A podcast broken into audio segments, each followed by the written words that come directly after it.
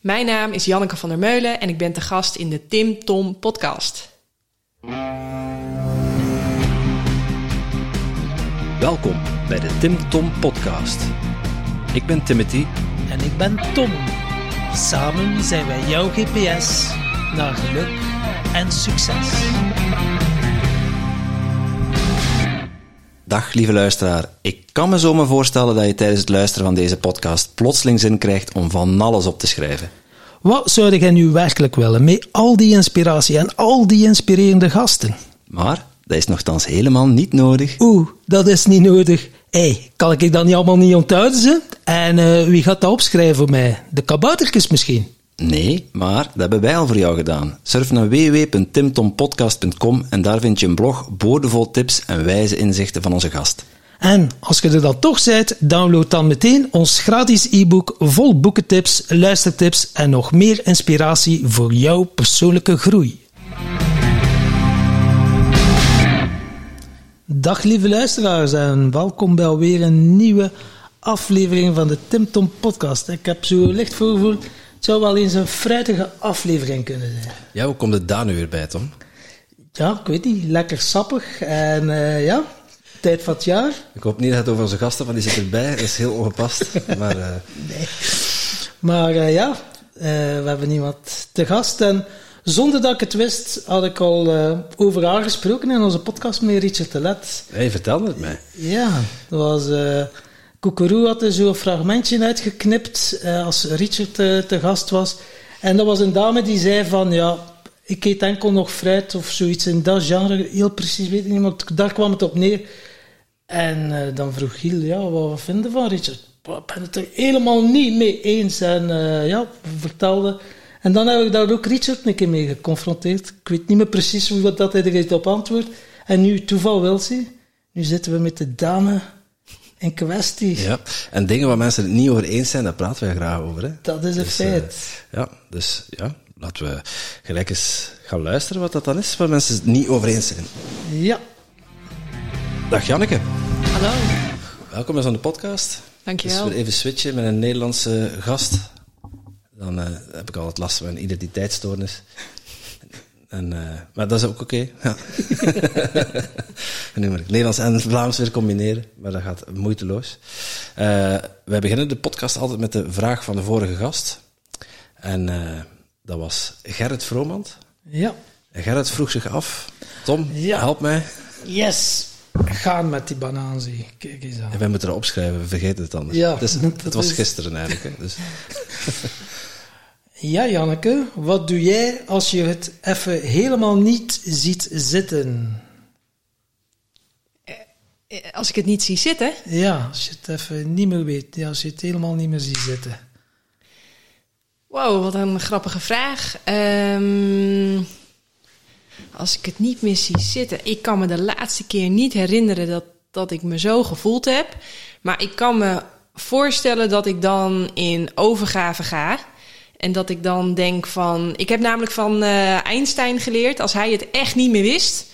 Als hij uh, een hele moeilijk probleem of een lastig vraagstuk niet kon oplossen. Dan ging hij altijd compleet in overgave in, in ontspanning. Dan ging hij op bed liggen met een bos sleutels in zijn handen. En dan. Ja, op een gegeven moment dan viel hij natuurlijk in slaap. En dan was hij zo ontspannen. En dan kletste die sleutels op de grond. En dan schrok hij wakker. En dan was hij helemaal open voor inspiratie. En dan loste hij vaak het probleem op. Dus ja, dat doe ik meestal ook. Als je het niet weet, kijk, ons hoofd is eigenlijk, ja, het is, het is een, een interessante tool en ook een bruikbare tool, maar het is wel gereedschap. Um, beperkt gereedschap. En om ons heen is een, ja, ik, heb daar, ik weet daar verder ook niks van, maar is zoveel meer intelligentie. Dus als je dan dat hoofd even stil weet te krijgen, zodat de inspiratie door je heen kan stromen, ja, dan lost het zich vaak vanzelf al op. Een mooi inzicht. Uh, ja, met een bos sleutels in het bed gaan liggen. Ze. Ja. Dat wel zien dat het op de grond valt en dat het niet op tapijt is, want dan hoor je het misschien niet. Ja. dat is dat ook. Ik had het nog niet gehoord eigenlijk, maar ik vind het wel uh, intrigerend. Je, je, zegt, ik doe het zelf ook. Je, je slaapt ook wel eens, als je een probleem niet kunt oplossen met een bos sleutels in je hand? Nou, ik, ik ga dan niet het proberen op te lossen. Ik ga het dan eigenlijk loslaten. En de grap is, dan komen de antwoorden heel vaak naar je toe. Hè? Of wat ik ook wel eens doe, is echt de vraag letterlijk uitspreken en in het universum plaatsen. Dus zeg, uh, zeggen van, ja, ik loop vast met een bepaald artikel wat ik schrijf, want ik mis dit en dit puzzelstukje. Dus ik zou graag antwoord willen hebben op. En dan probeer ik dat zo letterlijk mogelijk te zeggen. Nou, en het is echt giga. Ik, ik, ik, verbaas me er iedere keer over. Soms een dag later, soms een week later. In een gesprek. Of omdat ik per ongeluk een magazine lees. Of in een boek wat ik opensla. Of een podcast die ik per ongeluk aanklik. En dan hop, niet veel later heb ik het antwoord. Ja, het is bijzonder hoe het werkt. Ja, maar het begint wel met stoppen met klagen dat je het niet weet en balen over wat er allemaal niet lukt. En letterlijk de magische vraag: wat dan wel? Dus wat wil ik graag wel? Waar ben ik wel naar op zoek? Om die wel in het universum te zetten. Ja, dat is ook weer de kracht van goede vragen stellen. Hè. Uiteindelijk, hoe specifieker uw vraag, hoe specifieker ook uw antwoord. Ja, de kwaliteit van je vragen bepaalt de kwaliteit van je leven. Ja, klopt. Heb ik nog gehoord. Mag ik praten? ik weet het niet. Maar, uh... en, en in het universum plaatsen van een vraag en dan uh, erop rekenen dat het antwoord komt wanneer je er klaar voor bent. Uh, sinds wanneer ben je daarmee bekend? Sinds wanneer pas je dat toe? Ja, ik ging heel jong. Op mijn vijftiende deed ik al mijn eerste chakra-cursus.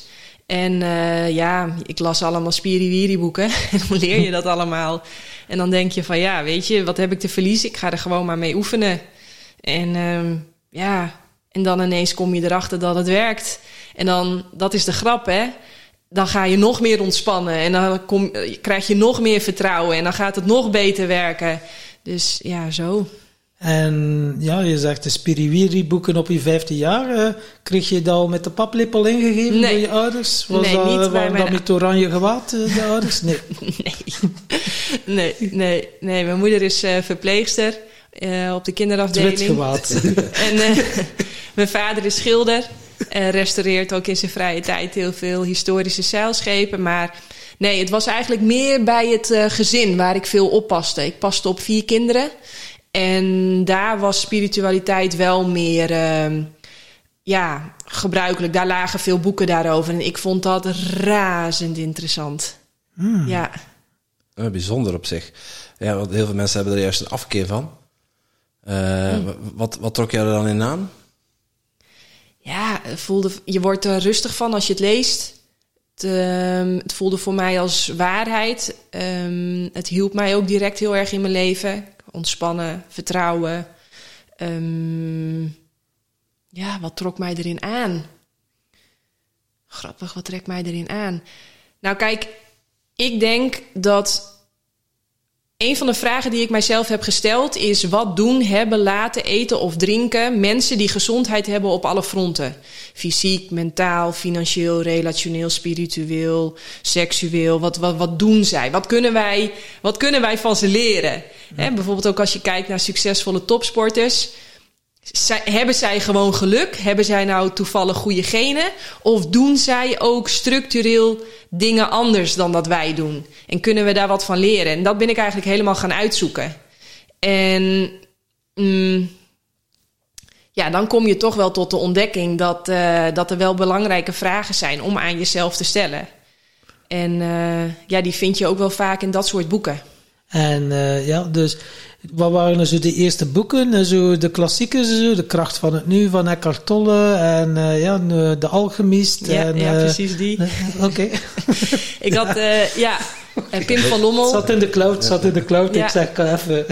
Ja, en wat ik ook een van de eerste was, was What the Bleep Do We Know. Okay, Leerde ja. ik heel veel over kwantumfysica. Toen kwam later dat boek van Pim van Lommel, Eindeloos Bewustzijn. Oh. Maar ook simpele boeken als The Secret hoor, dat las ja, ik ook. En ja, The Secret voor kinderen. Ja. Uh, ja, dat las ik ook allemaal.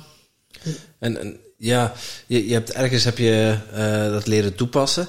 Wat, um, wat heeft het jou al, uh, al gebracht om op die manier in, in, het leven te staan? Wat heeft het mij gebracht? Um, nou, wat ik, wat ik leuk vind is, uh, ik ben moeder van een dochter. Ik heb drie boeken geschreven, waarvan alleen de laatste dus nog verkrijgbaar is. Het boek De Eiwitleugen. Maar ik ben ook de bedenker van de win-win methode. En dat is een methode voor mensen die niet ziek zijn, maar wel beter willen worden. En ja, bij alles wat ik zeg en schrijf, hou ik altijd een paar dingen in mijn achterhoofd. En het eerste, wat ik ook echt van die Spiriwiri-boeken leerde, is dat eenheidsbewustzijn. Dus waar ik vroeger dacht dat ik een afgescheiden golfje was, uh, kwam ik door die boeken erachter van nee, we zijn niet afgescheiden golven. We zijn, behoren allemaal tot dezelfde oceaan. Of net als we denken dat we allemaal apart van elkaar zijn, zijn we eigenlijk 7 miljard pootjes van dezelfde octopus. Dus we komen allemaal uit dezelfde bron. Dat maakt dus dat ik ben jij en jij maar bent ik. En ik leerde ook van die boeken dat als je, ja, dat, dat het echt heel veel vrede en rust geeft aan jezelf als jouw gedrag niet ten koste gaat van iets of iemand anders. En het laatste wat ik heel erg van die boeken leerde is van hoe verschillend we ook allemaal zijn. We hebben allemaal maar één moeder en dat is moeder aarde. Dus ja, jouw gedrag heeft invloed op mijn gedrag en mijn gedrag heeft invloed op jouw gedrag. En ja, dat is dus het eerste principe waar ik altijd heel erg rekening mee hou. Dat is dat eenheidsbewustzijn. En het andere wat het me op heeft geleverd is dat ik op dit moment uh, ja, de regerend Europees en wereldkampioen ben met het kustroeien, coastal rowing. Op zowel de sprint als de lange afstand. Bij wat? Bij de kustroeien? Kustroeien? Kustroeien, coastal rowing. Dat is een beetje het mountainbiken van het roeien. Oké. Dus je hebt klassiek roeien. Die boten zijn heel smal en lang. Wat ik ook nog steeds doe. Ja. En ook heel lang op hoog niveau heb gedaan. Uh, maar je hebt bij het roeien, net als bij het fietsen, hè, waar dus dat klassieke roeien, dat kun je een beetje vergelijken met, met, met racefietsen. Ja. Wegwielrennen. Ik weet niet hoe jullie dat in België zeggen. Ja. Koers, ja. En, en het coaster rowing is ja, het mountainbiken eigenlijk van het roeien. Dus die boot is ook iets korter, iets breder. Um, dus wat ik ook altijd meeneem, zeg maar, als ik praat of iets schrijf. En niet dat ik de waarheid heb. Hè. Ik uh, ben ook gewoon net als iedereen. Het is maar een mening van mij, alles wat ik verkondig. Um, maar dat zijn dus die topsportprincipes. Hoe, wat, wat, ja, hoe kan je nou niet pieken, maar ervoor zorgen dat je echt domineert? Dat je heel lang heel goed bent in iets. En het laatste wat ik altijd in mijn achterhoofd hou, dat, zijn, dat is eigenlijk de wetenschap. En wetenschap, dat is voor mij niets anders dan het hebben van een open mind. Dus vragen durven stellen. Wetenschap, het kernprincipe van de wetenschap, is ook ignoramus. En dat betekent eigenlijk we weten niet. Dus wetenschap staat paradoxaal voor ja, uh, alles ter discussie weten. durven stellen. Ja. Ja. En niet weten.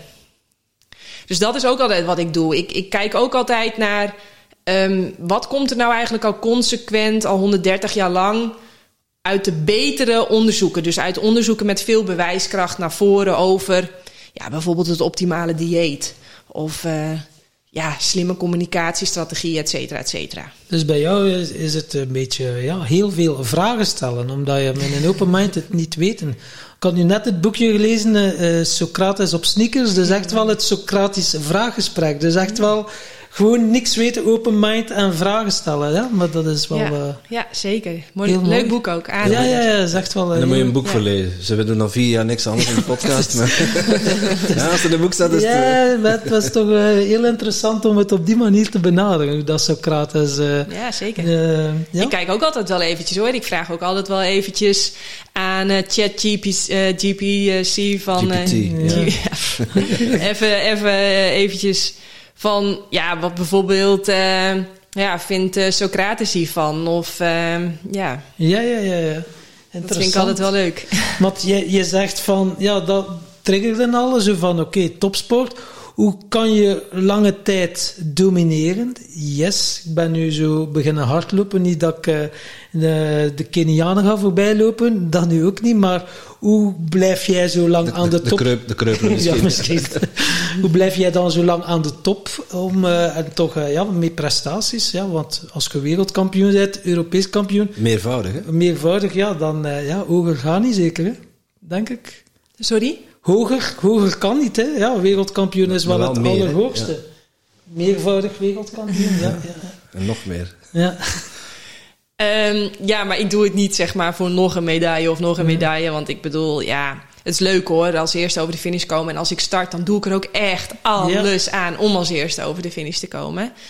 Maar ja, ik vind het voor mij is het heel erg fijn om een hele goede balans te hebben tussen fysieke inspanning en werken, zeg maar, dus een rationele inspanning.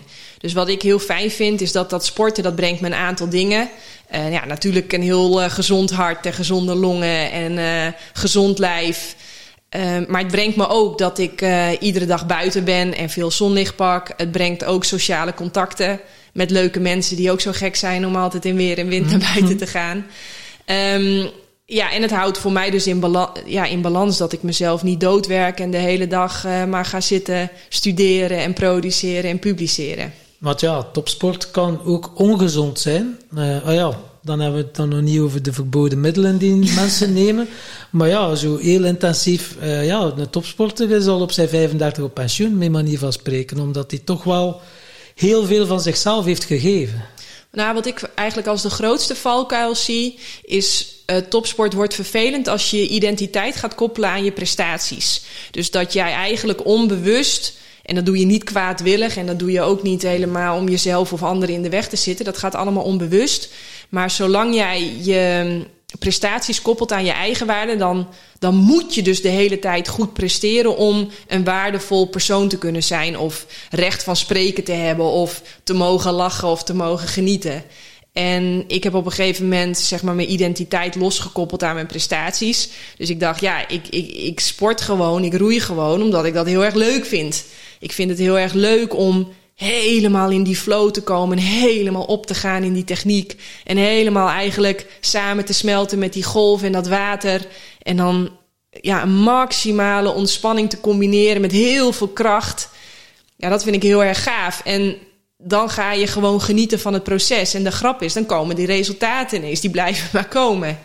Dus um, ja, ik denk dat dat eigenlijk Tuurlijk, als je je inspanning niet in, combina niet, niet in balans is met je ontspanning, dan kan het ook te veel van je vragen. Maar volgens mij is het waar de meeste sporters ook het meeste last van hebben, is de druk die ze zichzelf opleggen.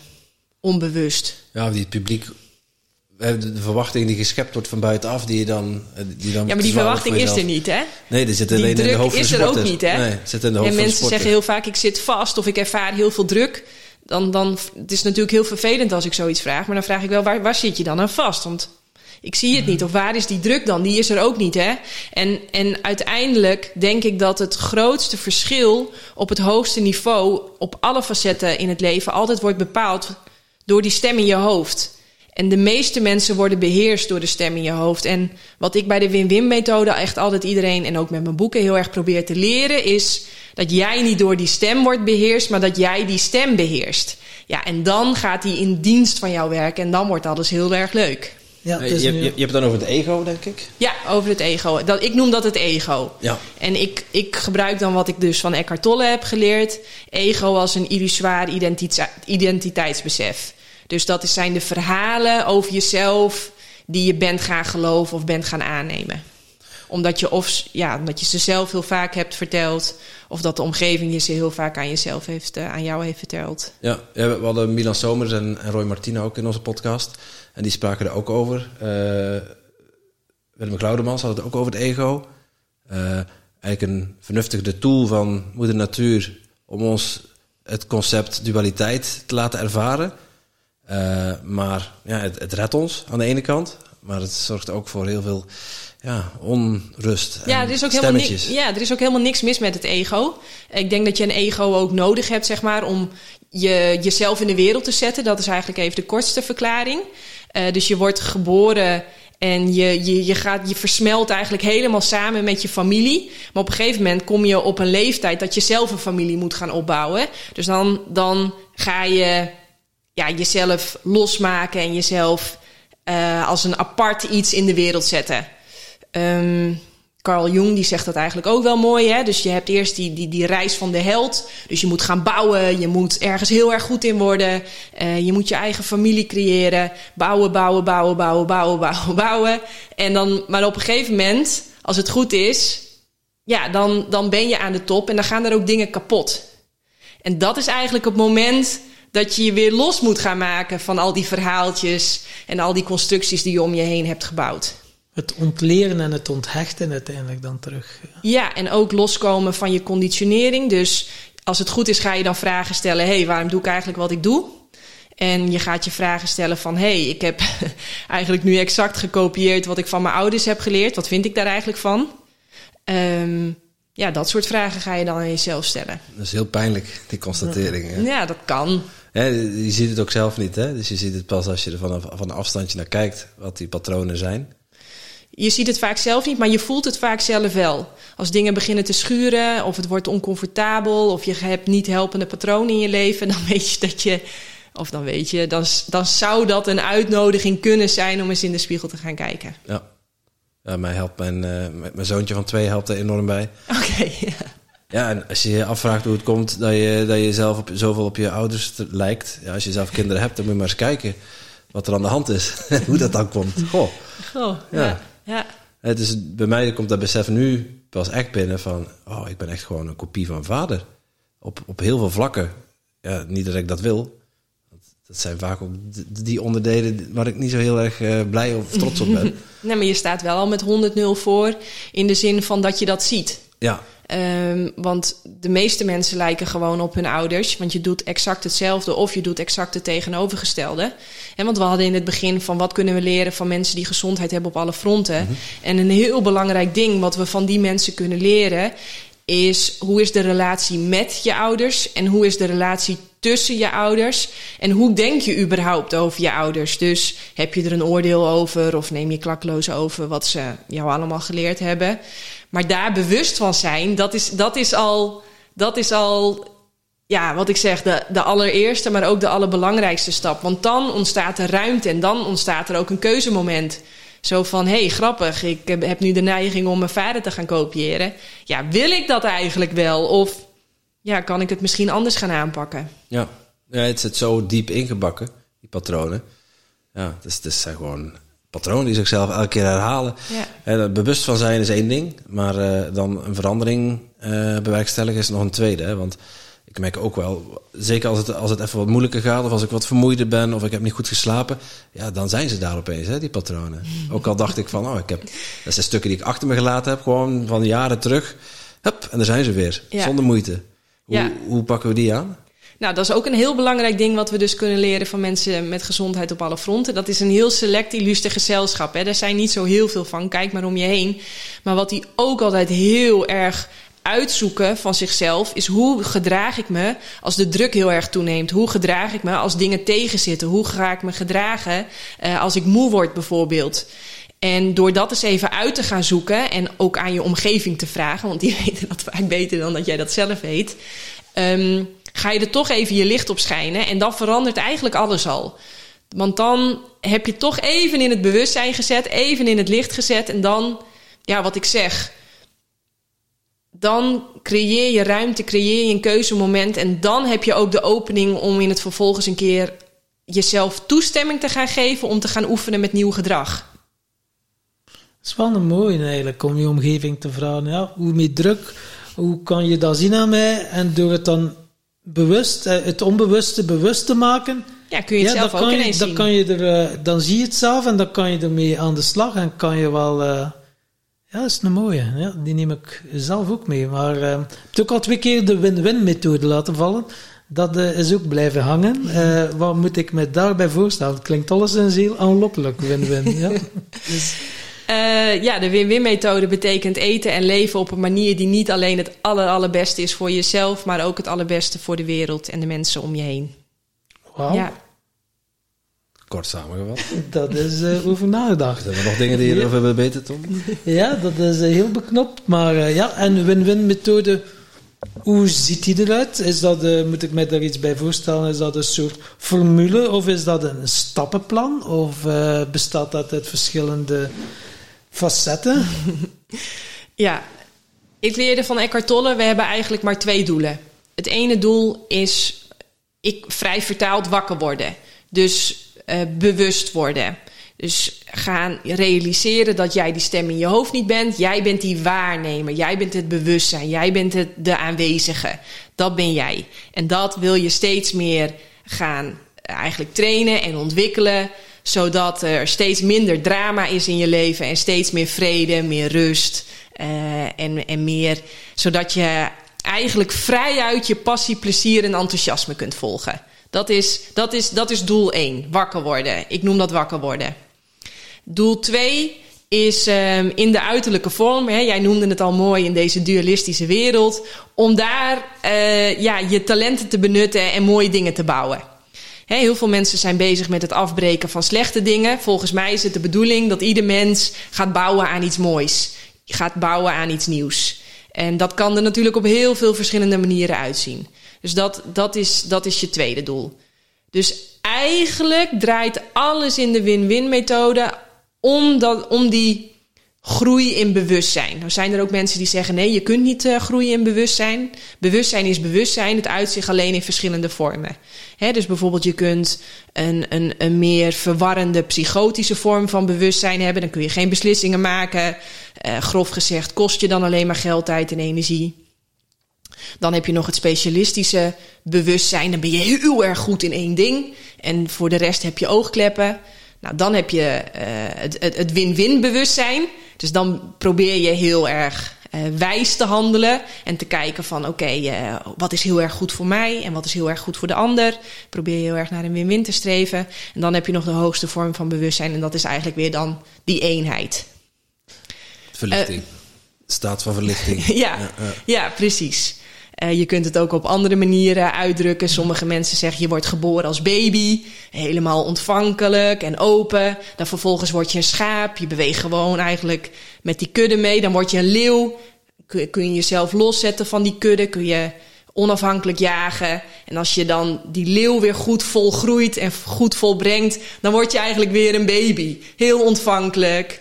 Uh, goed en fout laat je los. Uh, overtuigingen laat je los. En je pist ook weer je pamper. Ja, ja, ja. ja dat, dat komt daarna eigenlijk. Hè? ja, ja, nee, want nee, dan, dan, dan vergelijk jij die laatste fase van baby vergelijk jij met bejaard.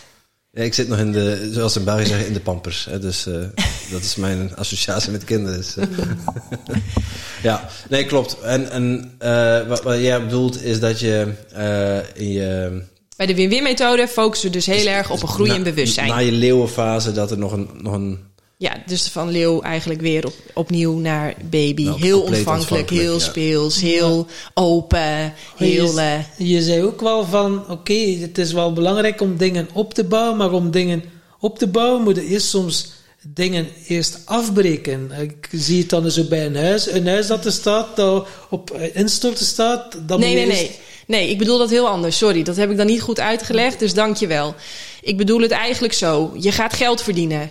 Geld, geld, meer geld, nog meer geld, nog meer geld. Dan koop je zo'n dure auto dat je met 200 tegen de boom aan zet. Nou, dan ga je wel achter je oren krabbelen. Of je gaat, je wil heel goed worden in een sport. Trainen, trainen, trainen. Medailles, medailles, nog meer medailles. Op een gegeven moment word je, eh, krijg je een waas voor je ogen. En blijf je maar trainen en dan krijg je blessures. Uh, of je kunt helemaal niet meer presteren omdat je lichaam op is. Nou, dan ga je ook achter je oren krabbelen. Of um, uh, je bouwt aan een bedrijf. Bouwen, bouwen, bouwen. Nog meer winst, nog groter bedrijf. En op een gegeven moment ben je helemaal je relatie vergeten. Blijkt je dat je thuis nog vrouwen en kinderen hebt. Ik noem maar even wat. Of man en kinderen. Ja. Kan natuurlijk ook, ja. hè? Ja. Die je helemaal bent vergeten. Dus de, de relatie knalt. Ja, dan ga je ook achter je oren krabbelen. Zo van, oeh uh, ja, was dit nou wel de bedoeling? Hè? Heb ik mijn huwelijk uh, naar, de, naar de kloten geholpen? Ja, ja. um, dus ik bedoel eigenlijk, je gaat bouwen. Je gaat heel erg goed in iets worden. Je gaat heel erg proberen de top te behalen. Dat lukt natuurlijk maar een heel klein groepje. Hè? De meeste mensen halen niet eens die top. Maar het is wel de bedoeling om de eerste 30, 35 jaar van je leven wel echt te bouwen te bouwen en te knallen eigenlijk. En ook op de verschillende laat. levensgebieden dan. Hè? Op gezondheidsvlak, relatievlak, op emotioneel vlak, carrièrevlak. Dus ja, je hebt er zo heel wat dingetjes. Hè? De mensen die dat gebruiken ze in de persoonlijke ontwikkeling zien. Het levenswiel, hè? dat je dan zo van 1 tot 10... En uh, dan trekt u wiel om te zien hoe groter uw wiel en hoe gelijkmatiger, ja, hoe evenwichtiger en hoe meer in balans dat je bent. Ja, ja, klopt. En wat zie je nou bij heel veel mensen? Um, die, bijvoorbeeld heel veel topsporters die zijn eh, fysiek wel gezond, maar die hebben bijvoorbeeld geen gezonde bankrekening. Of heel veel spiriwiris, die zijn dan spiritueel zogenaamd wel heel gezond, eh, maar die hebben ook geen gezonde bankrekening. En ik woon dan toevallig in een straat waar mensen heel, een hele gezonde bankrekening hebben, maar als ik dan zie hoe ze naar hun auto toe schuifelen, dan denk ik, nou, je, kan nog geen 100 meter hardlopen, want dan klappen je longen eruit. Dat is ook armoede dan in mijn ogen. Ja. Dus het is niet heel Nederlands, misschien ook niet heel Belgisch om te streven naar gezondheid op alle fronten. Hè, wij zijn natuurlijk geneigd om te zeggen, ja, je kan niet alles hebben. Of uh, nou, blijf maar een beetje normaal of dat. Ja, maar ik had zoiets van. hè? Ja. ja. Maar ik had zoiets van, ja, als die mensen het kunnen, dan kunnen we daar op zijn minst toch iets van leren. Want waar kwam ik achter? Tuurlijk hebben ze vaak goede genen. En tuurlijk hebben ze soms een beetje geluk. Maar ik ontdekte ook gewoon heel veel leerbare vaardigheden die voor iedereen gewoon beschikbaar zijn. Die ik natuurlijk in mijn boek ook allemaal deel. En dat is uh, de eiwitleugen. Ja, dat is de Want eiwitleugen. ja, je zegt op alle fronten gezond zijn. Hoeveel fronten heb je zo? Nou ja, fysiek, mentaal, emotioneel, financieel, relationeel, spiritueel. Oké, okay, ja. En misschien even handig wat ik onder spiritualiteit versta, want het woord wordt natuurlijk de hele dag door gebruikt. Maar spiritualiteit is voor mij niets anders dan vertrouwen hebben in jezelf, in je naaste en in het grotere. Met als gevolg dat je lekker ontspannen bent. Dat is eigenlijk voor mij spiritualiteit. Mooie, mooie definitie, meer, ja. Ja, meer is het niet. Ja. ja. Simpeler kunnen we het niet maken. Nee. nee. Nou, en jij vroeg mij van wat is dan die win-win-methode? Die win-win-methode, dat beginnen we dus eigenlijk met bewustzijn. En dan ga ik je vervolgens behandelen als een topsporter. Nou, dat schrikken al heel veel mensen van, maar het is eigenlijk niets anders dan differentieel leren.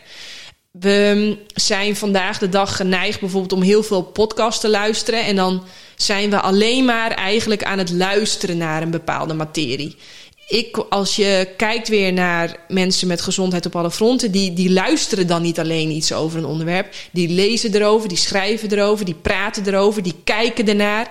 Op bewust niveau en op onbewust niveau. Dus dat doen we bij de win-win-methode ook. Ja, je gaat ermee aan de slag.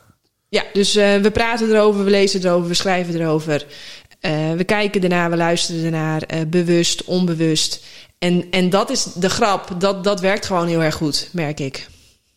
Ja, bij ons is het ook zo'n beetje. Wij zijn nu ook recent begonnen met de grensverleggers, omdat we ook geleerd hebben van ja, je kunt wel luisteren en boeken lezen en luisteren naar podcasts, maar dan blijft het maar kennis. En dan, zolang dat je geen actie onderneemt, ja, dan gaat er ook weinig gebeuren. Want je mag dan nog zoveel weten. Zolang dat je het niet toepast, is het maar kennis. Ja, ik leg dat altijd uit aan de hand van twee dieren. Eigenlijk vechten de twee dieren om het stuur van ons leven. Aan de ene kant een kolibrie.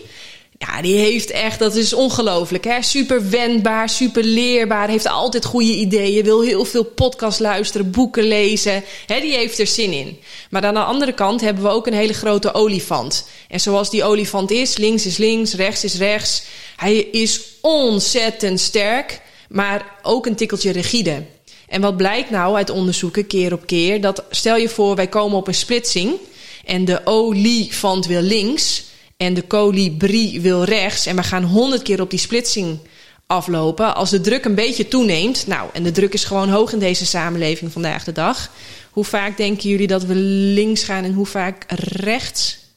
Ja, we gaan, ik denk dat we vaak pad van de olifant zullen volgen. Ja. ja, ze zeggen wel in 95% dus 95 keer van die 100 keer dat we op die splitsing aflopen, kiezen we dus het pad van die olifant. Dus het is hartstikke leuk om die kolibrie de hele tijd te gaan trainen met allemaal podcasts en boeken en hartstikke veel kennis. En kennis is echt belangrijk, hè? Ik ga het niet onder de tafel schuiven. Uh, kennis ja, nou dat gezegd hebbende, maar in de here of the moment staat uiteindelijk die olifant aan het roer. En die olifant die is geprogrammeerd de eerste zeven, negen jaar van je leven ongeveer. Uh, dus wat ik zie gebeuren is dat heel veel coaches die focussen zich op het niveau van de kolibrie. Nee, nee, alles wat je geleerd hebt is fout. Deze kennis klopt. Dit klopt. En dat is allemaal leuk die kennis, maar als je geen rekening houdt met de programmering van je olifant, dan gebeurt er als puntje bij paaltje komt, uiteindelijk helemaal niks. En blijf je in diezelfde patronen. Ik bedoel, hoeveel mensen zijn niet al jarenlang met 180.000 verschillende diëten proberen ze af te vallen? Of met 180 verschillende schema's proberen ze eindelijk voor de zoveelste keer het hardlopers op te bouwen en door te zetten.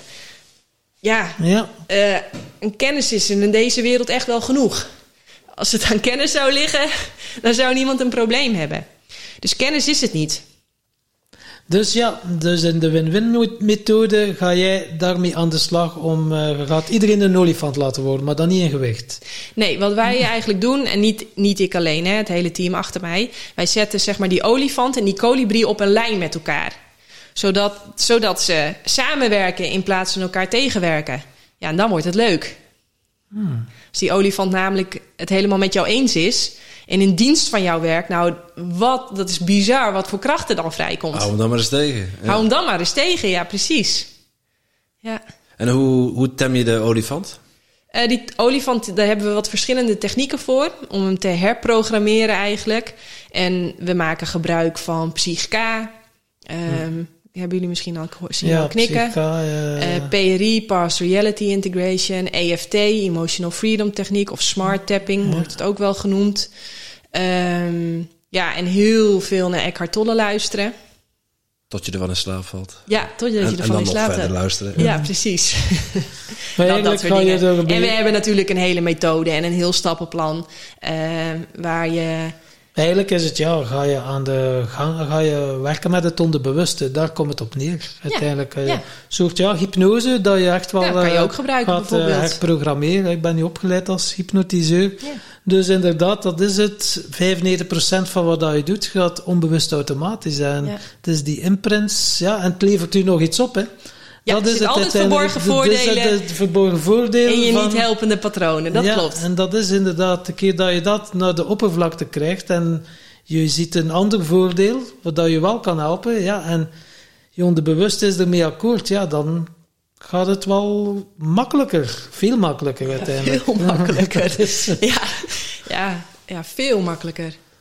En ja, jij hebt eh, je onderbewuste dan ook getraind eh, En geherprogrammeerd. en geherprogrammeerd. Absoluut. Eh, hoeveel jaar zijn je ermee bezig geweest? Of heb je zoiets van, hm, op een paar maanden kan je al een ongelooflijk verschil maken? Nee, daar ben ik, daar ben ik, ja, daar ben ik, god, 22 jaar nu mee bezig.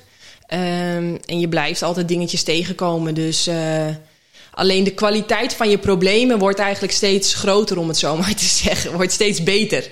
Dus je, waar je vroeger eh, domme, domme problemen had, als ruzies of misverstanden of eh, ja, drama in je leven. Zo krijg je nu gewoon problemen van een hogere kwaliteit die je ook meer zelf uitzoekt.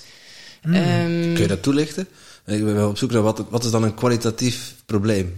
Nou, bijvoorbeeld eh, wat ik, waar ik in de laatste twee wedstrijden achter kwam, is dat ik in beide wedstrijden, ehm, want ik doe altijd het sturen en ook eh, de koers bepalen bij de tonnen. En in de afgelopen twee wedstrijden had ik beide keren op een nippertje dat ik, op, dat ik net op tijd kwam, erachter kwam dat ik de boei bijna verkeerd zou nemen.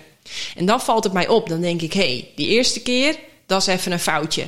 De tweede keer gebeurde het weer, dat ik weer bijna een ton. En dan ga ik, bel ik direct mijn coach. Dan zeg ik, wow, ik heb nu een heel gek patroon. Want ik, het is nu tot twee keer toe dat ik bijna een ton eh, mis. Waardoor ik bijna eh, ja, niet eerste word, maar tweede. Nou, dat zijn toch hele kwalitatieve problemen, zeg maar. Ja, daar kan ik me iets bij voorstellen. Ja, ik roei niet, hè, dus ik heb geen idee wat het gevolg is als je hem ton links of rechts. Maar ik neem aan dat je daar gedisqualificeerd wordt. Ja, of of strafseconden krijgt. Ja, Of, en ik maakte het mezelf onnodig zwaar in zo'n wedstrijd. Want ik heb dan al een hele mooie voorsprong bijvoorbeeld. En dan doordat ik bijna zo'n ton mis, moet ik weer van vooraf aan beginnen. Moet ik of weer eh, terugroeien naar positie 1. Of ik moet, eh, ik heb ineens, mijn, mijn voorsprong is veel minder groot. Ja, maar dan moet je toch heel snel kunnen schakelen van wow. En daar even in metapositie van dat is het probleem en daarnaar gaan kijken. Dan eh, maar is dat toch wel een reflex dat je moeten aanleren hebt of zo. Ja, ja, maar dat is, kun je allemaal trainen. Ja. En ik kan me voorstellen, ik zit eventjes te denken, wat is een... eh, er zijn natuurlijk heel veel mensen die, die al jarenlang struggelen met gewicht. Of al jarenlang struggelen met het halen van het einde van de maand. Omdat eh, de, wat zeggen ze dan altijd? De, maand is te lang, langer dan... de maand is Ja, langer dan de ja. bankrekening of zo. I don't know, maar je, je snapt wat ik bedoel. Ja. Ehm, Of al jarenlang struggelen met een relatie waar ze zich niet fijn in voelen, maar ja, eruit stappen lukt ook niet. En dan de hele tijd. oh, als ik erover begin, dan denk ik, Ja. oh, Comfortzone, lekker in de comfortzone en eh, bang om inderdaad uit, uit, uit, uit te stappen uiteindelijk. Maar ja, dat, die keuzes maken eh vergt wel logisch. moed, hè? ja, vergt moet. En dat is ook logisch, hè? Want we hebben allemaal een reptiele brein. Jij, ik, eh, iedereen. En dat reptiele brein, dat praat de hele dag tegen jou met hele logische, goed klinkende argumenten om jou veilig te houden. En veilig is altijd de plek die je kent. Hoe KUT die plek ook is, hij is wel bekend en daarom veilig. Dus hij zal de hele dag ja, tegen jou aanpraten om jou daar te houden. En als jij dat, als je die kennis überhaupt niet hebt, dan kun je je licht er niet op schijnen en dan kun je het ook onmogelijk doorbre- doorbreken. Ja. Ja. Dus het, daarom zeg ik, wilde ik kennis ook niet helemaal afvakkelen. Want kennis is wel echt. Mij heeft. Mij hebben die boeken en die opleidingen en al die workshops en al die lezingen en die podcasts hebben mij wel enorm geholpen ook. Ja, en het is ook een ehm, onderdeel van je bewustwordingsproces. Hè. Je hebt wel ehm, je hebt een bepaalde waarheid. En ik vind waarheid altijd, eh, tenminste voor mij is waarheid is niks anders dan een, een combinatie van jouw perceptie met de informatie die je hebt. En ja, je perceptie kun je veranderen door gesprekken aan te gaan, door podcasts te luisteren, door boeken te lezen. Maar ook die informatie, je kunt je zelf voeden met andere informatie, waardoor jouw waarheid gaat veranderen. Maar als je een van die twee niet bent bereid, bereid bent om daar eh, in, in te gaan aan, aan te passen of aanpassingen aan te brengen, ja, dan zal je waarheid nooit veranderen. En ja, ik voel een beetje, een beetje hetzelfde als zoals jij het zegt, van met kennis. Kennis is niet, eh, zeg dat, de holy grail. Het is niet dat je met enkel kennis er gaat geraken. Maar het is wel een belangrijk onderdeel. Nou ja, wat ook het nadeel is zeg maar, van boeken en podcasts, is dat ze niet terugpraten. praten. en ieder mens, ook ik, iedereen, heeft zijn blinde vlekken. Eh, en blinde vlekken, ja, die stagneren groei. Blinde vlek- vlekken zorgen ervoor dat we in patronen zitten die, eh, waar we maar niet uitkomen. En als je een beetje een bewuste, doorgewinterde coach of therapeut of wat dan ook hebt, die, die kan jou wijzen zeg maar, op die blinde vlekken. Waardoor je ze ineens kunt zien en dus ook vervolgens kunt veranderen. Is Ja. wel Dus, en Ja. en, ja het, kijk, eh, wat, daarom, hè, boeken, podcasts, fantastisch. Ze, ze spiegelen alleen niet en ze praten niet terug. Het is wel eh, grappig inderdaad dat je dat zegt, want we merkten dat zelf ook. Hè. We hebben ja, heel wat luisteraars. Maar dan dachten we, ja oké, je kunt wel luisteren en lezen. En daarom hadden wij ook die grensverleggers om ze te spiegelen. Want in blinde vlekken en in die comfortzone en wel in je hoofd zeggen, ah ik ga dat doen of dat doen. Maar als je niet wordt geconfronteerd of niet wordt uitgedaagd om die een stap te zetten, in de comfortzone is lekker veilig en eh, lekker en niet altijd gezellig, want eh, ik heb er ook heel lang in vertoefd. Maar bereid zijn om die een stap te gaan zetten. En ja, dan pas kan je meer en meer van je potentieel gaan benutten. En dat is ook mooi. Als je dan terugkijkt, als je zo elke dag een stapje zet en dan kijk je op een jaar. Dat is ongelooflijk wat groei dat je dan hebt eh, gemaakt. Ja, en wat ik ook denk ik, eh, wat ook heel erg onderscheidend is van de win-win-methode. Dus aan de ene kant werken we op bewust en onbewust niveau. En wat aan de andere kant is, eh, wat ik ook merk, is dat heel veel mensen die hebben dan nou, met een beetje geluk één keer per week contact met hun coach. Eh, ik heb alleen nog nooit een Olympisch kampioen gesproken die zei van eh, ja. Ja, oh ja, mijn coach, ja die, ja, die spreek ik één keer per week even een uurtje via Skype of Zoom. Nee, topsporters worden iedere dag intensief gecoacht door hun coach. Die worden iedere dag gespiegeld op hun blinde vlekken. En toen dacht ik, ja, als dat werkt voor de topsport, dan werkt dat ook gewoon zo voor persoonlijke ontwikkeling. Dus als je met de win-win-methode gaat samenwerken, dan heb je dus ook iedere dag contact met mij. Iedere dag. Ehm, om de simpele reden dat je groeicurve dan gewoon veel steiler is dan één keer in de week of één keer in de twee weken. Sommige mensen eh, die praten één keer in de drie weken een uurtje met een psycholoog. Ja, eh, eh, tuurlijk, hè, doe het. Eh, alles beter dan niets, maar Ja, Ja, ik, ik, ik hoor, ik hoor wat je zegt en, en ik kan me daar eigenlijk ook wel in vinden. En zeker als je het parallel trekt met, met topsporters. Eh, al zal er bij topsporters ook wel een verschil zitten tussen eh on-season of off-season. Hè, dus als Rafa Nadal uh, naar zichzelf aan het voorbereiden is, ja, die is, die is, ja, die is 365 dagen per jaar bezig. Die heeft iedere dag een coach en ook nog op meerdere fronten in, in zijn leven. Ja, en die is niet één coach. Nee, dus die heeft een fysieke coach, een mentale coach, een voedingscoach. Ik weet zeker dat hij een businesscoach heeft. Ik weet ook zeker dat hij een financiële coach heeft. Een, een coach voor de techniek, een coach voor zijn uithoudingsvermogen. Nee, die heeft op alle fronten, laat hij zich coachen door, door de beste. Ja, en het is, het is ook niet dat hij uh, zo topsporter, dat, je, dat het volstaat om, ja oké, over, over zes weken heb ik een uh, belangrijke wedstrijd. Dan ga ik zes weken daarvoor ga ik eens beginnen met, met trainen. Ja, dan, dan haal je het niet. Dan, dan ga je het afleggen tegen concurrenten.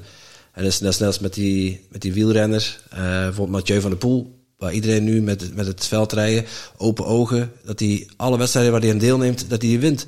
Ja, maar hij fietst niet mee om te winnen. Hij fietst mee om te trainen. Want hij is met een heel ander doel bezig. En dan vind ik het wel opvallend dat de rest gewoon niet eens mee kan in zijn trainingsrondjes. Ongelooflijk, hè? Ja, ja. En dat is ook de kracht van coaching. Ja, zijn vader is zijn coach, maar... Ja, en wat ik bij Mathieu van der Poel ook heel erg zie, wat ik heel erg inspirerend vind, hè, je kunt talent hebben, je kunt al die hele goede coaches hebben, je kunt heel veel geld hebben, uh, geluk, uh, heel veel kennis, maar uiteindelijk is wel energie wat het verschil maakt. En dat is wel een mooi bruggetje, denk ik, ook naar waarom ik eet op de manier waarop ik eet energie is uiteindelijk wat het verschil maakt. Dus je kan beter eigenlijk heel veel energie hebben en dan maar één keer per week coaching. Of een slechte fiets, maar wel heel veel energie om die barrel over het parcours te rammen. dan de allermooiste fiets uh, van 6 kilo met alles erop en eraan. Maar niet eens energie hebben om van de bank af te komen. Dus uiteindelijk is energie wat het verschil maakt. En ik kwam erachter dat wij uh, als mensen onbewust heel erg veel doen om energie te verspillen. Uh, als je natuurlijk met heel veel kindtrauma's nog rondloopt, verspil je giga veel energie. Maar ook de maaltijden die we eten, uh, valt mij ook op dat er eigenlijk maar twee typen maaltijden zijn. Maaltijden die energie geven en maaltijden die energie kosten. En ik heb op een gegeven moment in mijn leven ontdekte ik ook van shit, hé, Oh, sorry voor mijn taalgebruik. Nee, nee, dat is prima. Dat is, uh, Vloek maar lekker, ja. Oké, okay, maar uh, ik voel dat deze maaltijd mij energie kost. Ik kak in, ik moet uitbuiken en ja, daar heb ik helemaal geen tijd voor. Want ik wil dit, ik wil dat, ik wil zus, ik wil zo. Hè. Ik wil die kennis, die wil ik publiceren, die wil ik produceren. Er moet gewoon heel veel gebeuren. Ik heb er alleen de energie niet voor. En toen ben ik helemaal dat rabbit hole ingedoken van...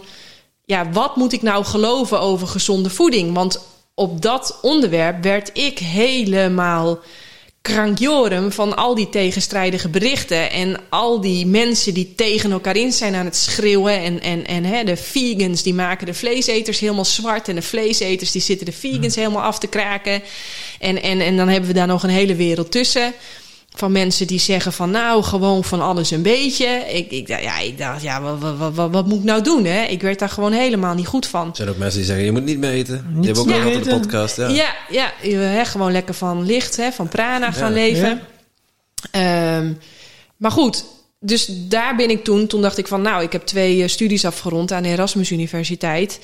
Laat ik nou eens toe gaan passen wat ik op die studie heb geleerd. Namelijk hoe je de bewijskracht van verschillende onderzoeksmethoden kunt beoordelen. Want het blijkt namelijk dat als we alle onderzoeken die wereldwijd plaatsvinden, als we die in een piramide gaan gieten, dan is 95% van die onderzoeken die zijn nuttig, die zijn noodzakelijk, maar die zijn niet geschikt om eigenlijk op je eigen leven te betrekken, omdat ze gewoon eigenlijk heel weinig bewijskracht hebben. Het is toch bizar. Zeg maar 85% van het biomedische onderzoek, hè, dat gaat over gezondheid en over medicatie en allemaal dat soort dingen, die zijn niet repliceerbaar. Oh Dus dan zeggen ze: Wow, we hebben echt het perfecte recept gevonden voor appeltaart. Echt smullen, smullen, smullen. En dan ga je naar huis en je koopt precies die ingrediënten. Je volgt precies het recept. En dan heb je geen appeltaart, maar een een of andere zure, zure citroenvlaai. Dat is, dat is bizar, hè? Maar zo gaat het dus in onderzoeksland. Dus 85% van het biomedische onderzoek is niet repli repliceerbaar. Dus ik ben toen helemaal die rabbit hole ingedoken van... Oké, maar wat is dan wel waar? Hè? Waar, welke... En, en waarheid, dat leerde ik ook van Eckhart Tolle. Waarheid is eigenlijk alleen maar een richting die je op kunt. Uiteindelijk is de rest allemaal maar een mening. En, en, en in die zoektocht naar waarheid over het optimale dieet voor de mens, heb ik ook weer mijn eigen mening gevormd. Van ja, wat, is, wat, wat filter ik hieruit? Wat pak ik hieruit als ja, dat klopt? En ja, uh, maar ik heb me wel gefocust op onderzoek, um, onderzoeken, zoals meta-analyses en reviews omdat die bekend staan als de onderzoeksmethode met de meeste bewijskracht. Dat is eigenlijk dat topje van die piramide. Um, wat een optelsom is van die 95 studies die daaronder zitten. En als daar dan consequent iets naar, uh, uit naar voren komt, dan zitten we waarschijnlijk in de buurt van de waarheid. Nou, en tot mijn grote verbazing um, concludeerde ik uit die hele zoektocht dat er eigenlijk vijf dingen zijn die een mens iedere dag nodig heeft om optimaal te presteren. En het allerbelangrijkste, onze belangrijkste brandstof, hè, dus waar een auto uh, benzine, diesel of een beetje elektriciteit nodig heeft, hebben wij als mens fruit nodig. Fruit. Ja, wij zijn echte fruiteters. En dat geldt voor elke mens hier op deze aardbol. Ja, net als dat voor iedere koe gras optimaal is. En dan heb je natuurlijk heel veel verschillende grassoorten. Uh, maar als je maar gras eet, nou, dan komt het wel goed. Dan, zo is dat ook voor de mens. Hoe meer fruit je eet en hoe meer calorieën je uit fruit haalt... en het maakt me echt niet uit wat voor fruit dat is... je leven is te kort om alle fruitsoorten op deze al eet wereld... je per dag twee kilo bananen? Ja, al eet je net als ik uh, iedere dag uh, twee kilo bananen... Uh, kies gewoon het fruit wat je uh, lekker vindt en waar je goed aan kunt komen, of wat in het seizoen is, of uh, ja, wat maar voorhanden is. Maar fruit is dus onze ultieme brandstof, kwam ik achter. Ah ja, dus, dus niet dat je een ananas uit Peru... Ah, ik weet niet of dat ze de ananas kweken, maar het kan ook gewoon appels en peren van hier zijn. Dat je beperkt van ja, binnenlands fruit. Ja, je moet ook nu appels met peren vergelijken. Uh, nou, fruit is fruit. En alles okay. wat in die categorie valt. En dan, en dan zou ik eigenlijk willen zeggen: ja, zoek het uit. Ja, ja het is niet Doe lekker waar je zin in hebt, waar jij je goed bij voelt. Ik, ik eet wel eens een appeltje en een peertje. Ik vind het hartstikke lekker, maar ik merk dat. Hè, roeien is een van de fysiek zwaarste sporten die er is. Dus ik train uh, zes dagen per week, twee keer per dag. Dus dat komt neer op 12 uur. Dat red ik niet op appeltjes en peertjes. Dus okay. ik eet veel bananen, dadels, mango's, heel veel sinaasappelsap. Um, en dan zeggen mensen heel vaak: Oh, dus dat fruit dat is voor jou zo interessant omdat je zoveel sport. Nee, dat is niet waar. Je moet het eigenlijk vergelijken met... Ik, ik heb een groot lichaam, ik ben heel lang. Ik zag het al toen ik jullie een hand geef. Volgens mij ben ik meer dan een kop groter. Ja, we hebben op een keukentrapje gaan staan... om in, überhaupt aan je hand te kunnen. Ja, ja hè, dus uh, je moet het vergelijken dat ik rij in een grote auto... en ik rijd er ook nog eens heel vaak mee. Dus ja, ik moet daar veel brandstof in gooien... want anders wil hij niet rijden. Ja. Um, of een laadpaal zoeken. Ja. Of een laadpaal zoeken, ja, precies. Um, maar voor een kleiner iemand, eventjes symbolisch een kleinere auto, die moet niet ineens andere brandstof daarin gaan gooien, want dan gaat de motor vastlopen. Die moet er alleen wel wat minder brandstof in gooien. En als hij er dan ook nog eens iets minder mee gaat rijden, ja, dan wordt het nog minder brandstof. Maar de brandstof blijft hetzelfde. En nou ja, toen klapperde ik al met mijn oren, hè? want ik dacht, fruit, daar moet je toch niet te veel van eten. Dat is toch slecht voor je tanden. Daar gaat je bloedsuikerspiegel toch van schommelen. Uh, daar word ik toch hartstikke dik van. Uh, leververvetting, weet ik veel allemaal waar ik mee bang gemaakt was. Dus ik heb dat allemaal uitgezocht van, ja, hoe zit dat nou? Uh, hoe kan het dat all over the world mensen die het langst in goede gezondheid leven, dat die zich voornamelijk voeden met fruit? En dat wij hier aan de andere kant daar zo bang voor worden gemaakt. Dat, dat, dat, dat, ja, weet je, dan stotter ik al, dan heb ik duizend vragen, dan snap ik er niks van. Terwijl ieder kind wel weet dat fruit belangrijk is, want dat, dat krijgen we ook wel mee. Het is wel belangrijk om fruit te eten. En wat nog de grootste grap is, is dat ze dat zo lekker vinden. Ja. Ik weet niet, maar waarschijnlijk uh, je zoontje, je kan hem van alles voorschuiten, maar zet een, bos, een, een bord aardbeien of blauwe bessen of druiven. Als hij mag kiezen tussen kaas of fruit, dan kiest hij voor kaas. Dat is heel raar, maar... Oké, okay, nou, uh, dat vind ik dan weer net niet raar, ja. maar... Uh, oh, Oké, okay, ja. ja. um, ik wel. Heel bijzonder. oh, oké. Okay. Maar goed, hij... Um, ja, dus, dus maar die, die, al die vragen, ik snap het. Uh, je wordt er natuurlijk helemaal mee doodgegooid ja. om te gaan geloven dat fruit niet goed voor je is. Dus al die vragen die beantwoord ik ook in het boek De Eiwitleugen. Eh, want ja, ik snap het dat je die vragen hebt en misschien ook wel heel terecht. Ehm, maar waar fruit dus onze ultieme brandstof is, zijn bladgroen, kruiden, kiemen en zeewier ons ultieme medicijn. En medicijn is letterlijk zoals een medicijn is. Ehm, je moet er iedere dag eigenlijk een beetje van eten. Want eet je het niet, ja, dan word je ziek. Maar eet je veel te veel medicijn, dan word je ook ziek. Zeeziek. ja. En uh, dat zie je natuurlijk tegenwoordig heel veel gebeuren. Dat de echte health freaks, die gaan kilo's groente eten.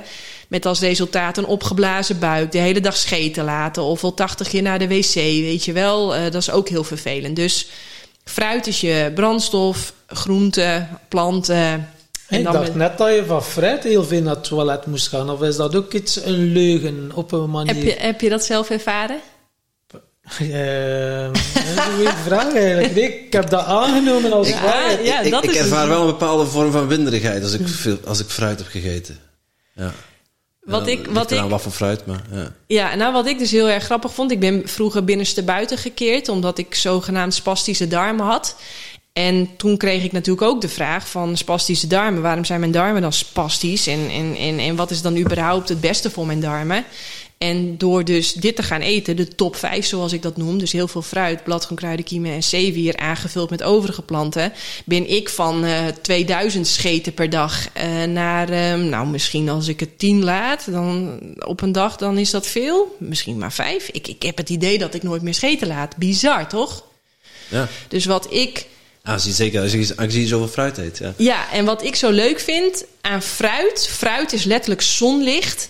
En fruit brengt letterlijk licht naar binnen. En alles wat niet in orde is, daar wordt letterlijk licht op geschenen. Dus uh, hoe ongezonder je eigenlijk bent, fruit zal alles aan het licht zetten. Dus daarom zijn er ook heel vaak mensen die zeggen: Wow, fruit, ik reageer daar heftig op. Ja, dat kan ik me voorstellen. Want je haalt letterlijk even een zaklamp naar binnen en die zal alles aanwijzen wat niet in orde is. Met als resultaat dat fruit heel vaak de schuld krijgt van alles. Maar fruit, ja, laat het eigenlijk alleen maar zien. En is het dan zo dat je uh, er van vandaag op morgen mee aan de slag kunt? Met, uh, nee, zou 80, ik niet doen. Uh, 80, laten we zeggen 80% van je voeding fruit? Nee, je lichaam heeft een bepaalde homeostase. Dus die heeft een bepaald, bepaald evenwicht gevonden met uh, alles wat jij nu doet. Ja. Hoe je eet, hoe je drinkt, hoe je slaapt, hoe je beweegt. Daar nou, heeft het een. Nou goede voeding of slechte voeding is. Maakt niet uit. Het vindt een evenwicht. Ons lichaam is fantastisch, hè? Het vindt een evenwicht. Met als gevolg dat jij je nog ja, op een bepaalde manier daar toch goed bij voelt. Als wij ineens heel radicaal dat evenwicht gaan verstoren, dan gaat je lichaam je echt wel laten merken. Dus mijn advies zou zijn: slow but steady wins the race. Dus gewoon rustig eens even kijken van, uh, nou, ga bijvoorbeeld beginnen met iedere keer dat je aan het snoepen bent, zeg je tuurlijk mag ik snoepen en dan ga je fruit snoepen. En dan kun je bijvoorbeeld de volgende stap zou kunnen zijn van, nou, ik ontbijt nu altijd met koffie en een stuk koek, ik noem maar wat. Ja, wat gaat het voor me doen als ik ochtends even lekker een groene smoothie ga maken? Nou, en als dat dan allemaal een beetje staat, dan op een gegeven moment kun je misschien zeggen van, nou, dit gaat eigenlijk best wel lekker. Ik merk dat ik er goed in zit. Ik voel dat het me energie geeft. Dus uh, met die energie kan ik mijn plannen, ideeën en goede voornemens ineens uh, omzetten in resultaat. Dan kun je ook kijken van, uh, nou, misschien die lunch ook. Of lunch is niet handig, weet je wel, want dan zit je op je werk en je vindt dat je hebt geen zin in lastige vragen van je collega's. Dat je denkt, nou, ik begin met het diner. Maar uh, slow but steady wins the race. Ik zou niet te radicaal, te grote stappen maken. Daar houdt je lichaam niet van. dat ze niet, je collega's niet vragen, ga je naar de dierentuin of zo? Ja. ja, Dan kom je af met twee kilo bananen. en is het dan ook, uh, doe je ook aan intermittent fasting? Of is het bij jou drie keer per dag uh, eten? Zoals ik doe wel aan intermittent fasting. Maar dat is zeg maar uh, s'nachts als ik slaap. Okay. Ja, zodra ik wakker word, ga ik direct eten. En ik denk dat alle vrouwen die luisteren dat ook zouden moeten doen. Ik denk dat het voor een vrouw uh, en haar hormoonhuishouding heel erg belastend is en stressvol om ochtends het ontbijt over te slaan. Ook die onderzoeken heb ik natuurlijk helemaal uitgespit van wat is hier nou feit en wat is hier nou fabel. Want iedere populaire arts die, die, die zweert uh, vandaag de dag bij uh, intermittent fasting. Um, en het klopt. Het is voor sommige mensen een stap uh, voorwaarts ten opzichte van zichzelf. Voor mij zou het echt een stap achterwaarts zijn. Voor mij zou het echt een stap achteruit zijn. Dus of iets gezond is, en als je niks van deze podcast uh, onthoudt, onthoud dan dit. Of iets gezond is, hangt altijd af van waarmee je het vergelijkt. En stel dus die vraag de hele dag aan jezelf. Oké, in vergelijking met wat? Dus iedere claim die je van mij voorbij hoort komen, in mijn boek leest, of iemand anders hoort zeggen, de, jouw eerste vraag wordt gewoon: oké, in vergelijking met wat? En dan intermittent fasting in vergelijking met alle troep eten wat mensen naar binnen gooien en weet ik veel allemaal wat, kan het echt wel een stap in de goede richting zijn. Maar in vergelijking met het win-win dieet, wat dan bij de win-win methode hoort, op basis van heel veel fruit aangevuld met andere planten, heb je dat hele intermittent fasting helemaal, helemaal ook niet nodig. En dan, ja, ik zie het op je boek staan, de eiwitleugen. Dus zo de noten en eieren en zo, waar dat toch ook van beweerd wordt dat dat wel essentieel is. Bouwstenen van ons lichaam. dat is ja. uh, voor de spieren, ja. Goed, Timothy, uh, is ook een onderzoeker. Hè? uh, maar dat is weer je af. Ik heb natuurlijk het boek nog niet gelezen, maar ik ben wel al geïntegreerd om er toch wel ja, toch een keer lekker mee te verdiepen. Ja. ja. Um, ik denk dat het, dat het wat ik belangrijk vind om te zeggen is: eigenlijk maakt het mij niet zo heel veel uit wat je eet. nee, eh, doe waar je je goed bij voelt. Ik denk ook dat je je voor geen enkel dieet hoeft te schamen of schuldig hoeft te voelen.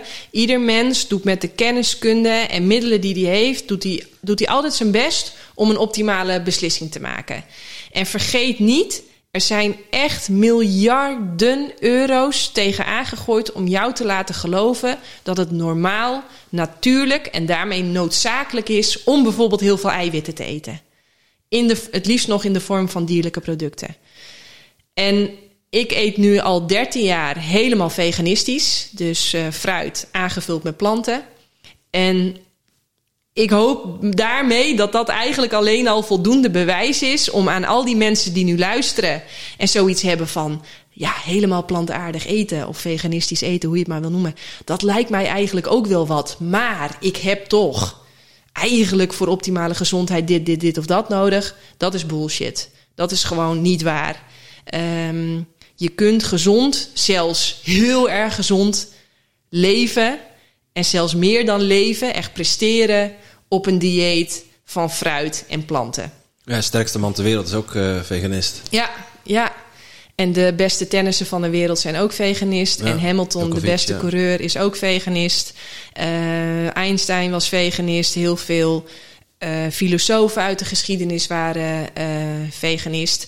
Dus als, als, als er bij jou iets van angst zit, van shit, shit, ik wil het eigenlijk wel, maar ik durf het niet, want uh, dit of dat, want ik ben nu zwanger of ik doe topsport of wat dan ook.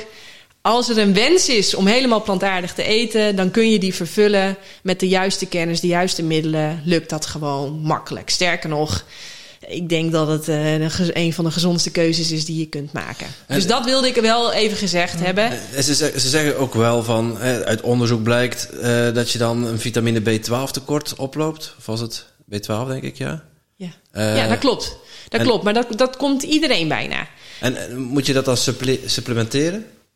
Ja, en ja, goed punt. helaas, vandaag de dag ehm, heeft eigenlijk ieder dieet heeft voor- en nadelen. Zo simpel is het. We leven in een dualistische wereld. Dat stopt niet ineens als het over voeding gaat. Ook bij voeding, bij ieder dieet heb je voor- en nadelen. Dat is de schuld van Johan Cruijff, en, uh, en, en wat zijn nou de nadelen zeg maar, van een veganistisch dieet? Nou, eigenlijk moet ik het anders zeggen het nadeel van deze hygiënische samenleving met uh, een goede riolering en water wat met chloor behandeld wordt en uh, allemaal andere bestrijdingsmiddelen die we hebben, uh, zijn we er op bepaalde fronten heel erg op vooruit gegaan. Het nadeel is alleen dat B12, wat eigenlijk een bacterie is, dat die uit onze samenleving is gepoetst en geboemd. Dus we zien B12 tekort, die zien we populatiebreed voorkomen. Ik uh, doe regelmatig bloedtesten. Uh, ik werk samen met een lab. En ook vleeseters, bijna iedereen heeft een B12 tekort. Wat logisch is, want B12 dat zat vroeger op ons drinkwater, in ons drinkwater en op al het groente en fruit wat we aten. We leefden op blote voeten. Uh, we, ja, uh, nu is ons ijs, uh, is onze spinazie. Ik weet niet of dat bij jullie in de supermarkt ook zo is, maar de spinazie in de Albert Heijn is drie keer gewassen in ijswater. Nou, dan denk ik altijd gelukkig. Drie keer gewassen in ijswater. He, de meeste groente en fruit groeit niet eens meer in de volle aarde. Maar op een of ander wit zand. Of, of Ja, in een helemaal. sponsje. Ja. Ja. op een sponsje Ja, of in een helemaal steriele omgeving. Dus B12 eh, voor veganisten is het helemaal belangrijk om daar goed op te letten. Maar voor vleeseters is het ook belangrijk omdat ook de dieren die zij eten vaak heel weinig B12 in hun drinkwater en op hun planten hebben. Dus we zien ook dat heel veel eh, B12-suppletie gaat naar de intensieve veeteelt. Omdat dieren eh, ja, het ook niet meer binnenkrijgen. Dus ja, of je nou het via, direct via een supplement binnenkrijgt of indirect. Ehm, en er zijn ook nog wel B12-bronnen van plantaardige oorsprong, waar ook heel veel B12 in zit, maar waar heel veel discussie over is. Van kunnen we dat nou wel goed opnemen? En ja, dat weten we eigenlijk niet zo goed. Ehm, dus ik neem ook natuurlijke bronnen van B12. Denk aan chlorella, spirulina, iris moss, eigenlijk uit de zee. Eh, maar ik vul het ook aan met een supplement. Ja, want het kan dus ook vegan, vegan gewijs kun je het ook binnenkrijgen. En je hoeft geen eieren te eten of vlees te eten. nee, dat hoeft niet. Dat hoeft niet. En, ehm, maar goed, dat zou je dus wel kunnen zien als een potentieel nadeel van een veganistisch dieet. Eh, moet je er wel alleen even zeker van zijn dat jij met je niet-veganistisch dieet het ook wel voldoende binnenkrijgt. Ja. En, en we zien gewoon heel vaak dat dat. Om daar bij jezelf eh, een keer na te gaan. Ja, zeker. Want een B12 tekort, dat, dat is niet leuk. En ik zou, als je dan bloed gaat prikken, niet alleen je B12 laten meten. Want B12 is eigenlijk hoeveel er in je bloed zit. En uiteindelijk ben je geïnteresseerd naar hoeveel B12 er in de cel zit. En dat kun je meten met de HOLO-TC-test. Dat is holotranscobalamine. En vraag dat ook aan je dokter. Dat doet hij namelijk niet automatisch, want dat is een hele dure test. Maar met die test kun je wel gaan meten van... zit er uiteindelijk ook genoeg B12 in mijn cel? En ehm, je cel heeft B12 wel nodig voor voldoende energie. En wat is een hele, hele dure test? Wat, wat bedrag moeten we ons daarbij voorstellen? 60 euro of zo. Oké, ja, ja, ja, maar dat is inderdaad wel... Echt wel heel duur, hè? Ja, maar dus eh, mensen die dan hun gezondheid even willen eh, onder de loep nemen, hé, aan de hand van hun eh, bloedwaarden en bloedtesten, wat, wat kun je allemaal laten controleren dat essentieel is om te weten hoe gezond dat je bent? Dus de HoloTC, de B12. en- Ja, ik test ook altijd eventjes eh, je vitamine D3. Dus je hydrox eh, 25, weet ik veel hoe dat precies heet. Maar dat is je vitamine D-waarde. Dat is eigenlijk je vitamine zonlicht. En we zien dat een waarde... Vroeger hanteerde een ouderwetse huisarts een onderwaarde van 50. Nou, die is gelukkig al opgeschaald naar een waarde van 80. Dus dan, als jij, stel je voor, hè, jij hebt 81. Dan laat jouw huisarts, die belt jou en die zegt hij... Ja, mevrouw, ja, meneer, alles oké. En dan laat hij je gewoon doorlopen. Terwijl experts op het onderwerp zeggen... Nou, 140, daar gaan we eerder in de goede richting. Ja, dat heb ik ook al gelezen. Ja. Ja, en we zien ook dat eh, die vitamine zonlicht... die is ongeveer betrokken bij alles in je lichaam. Dus ze willen het ook wel een hormoon gaan noemen. En als je vitamine eh, zonlicht, D3 dus, onder de maat is... dan dat, dat, dat is niet goed voor je. Laat ik het maar zo samenvatten. Dan kan je immuunsysteem niet goed je werk, zijn werk doen. Je zult je niet, jezelf je bed niet uit kunnen krijgen. Dus je bent moe. Je bent snel vatbaar voor, voor van alles. Ehm, tekorten van een B12, dan ben je heel snel overprikkeld. Heel snel ehm, zenuwachtig. Tens, hoe moet ik dat nou? Ja, ja zo zeg ik dat het beste. Eh, andere waarden die ik ook altijd check is even hoe is het met je schildklier, hoe is het met je lever, hè, dus je ALAT, je AZAT. Ehm, wat ik ook altijd even check, hoe is het met je cholesterol, met je HDL, je LDL. Eh, heb ik nog meer testen die ik... Oh ja, met je HbA1c. Dat is even om te kijken van hoe is het met je bloedsuikerspiegel over een langere tijd. Die check ik ook altijd even. Eh, ik zit even mijn rijtje af te lopen. Oh ja, natuurlijk HB. Eh, dat is je hemoglobine. Die check ik ook altijd om te kijken van... bloedlichaampjes. Ja, ja, heel goed. Ehm, van, ehm, ja, heeft jouw lichaam überhaupt de capaciteit om zuurstof naar de cel te vervoeren?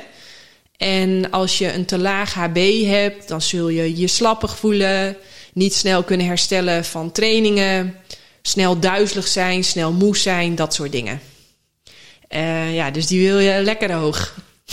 Tenminste, Ja. ik wil die lekker hoog. Dan heb je lekkere rode wangen en dan heb je er zin in, zeg maar.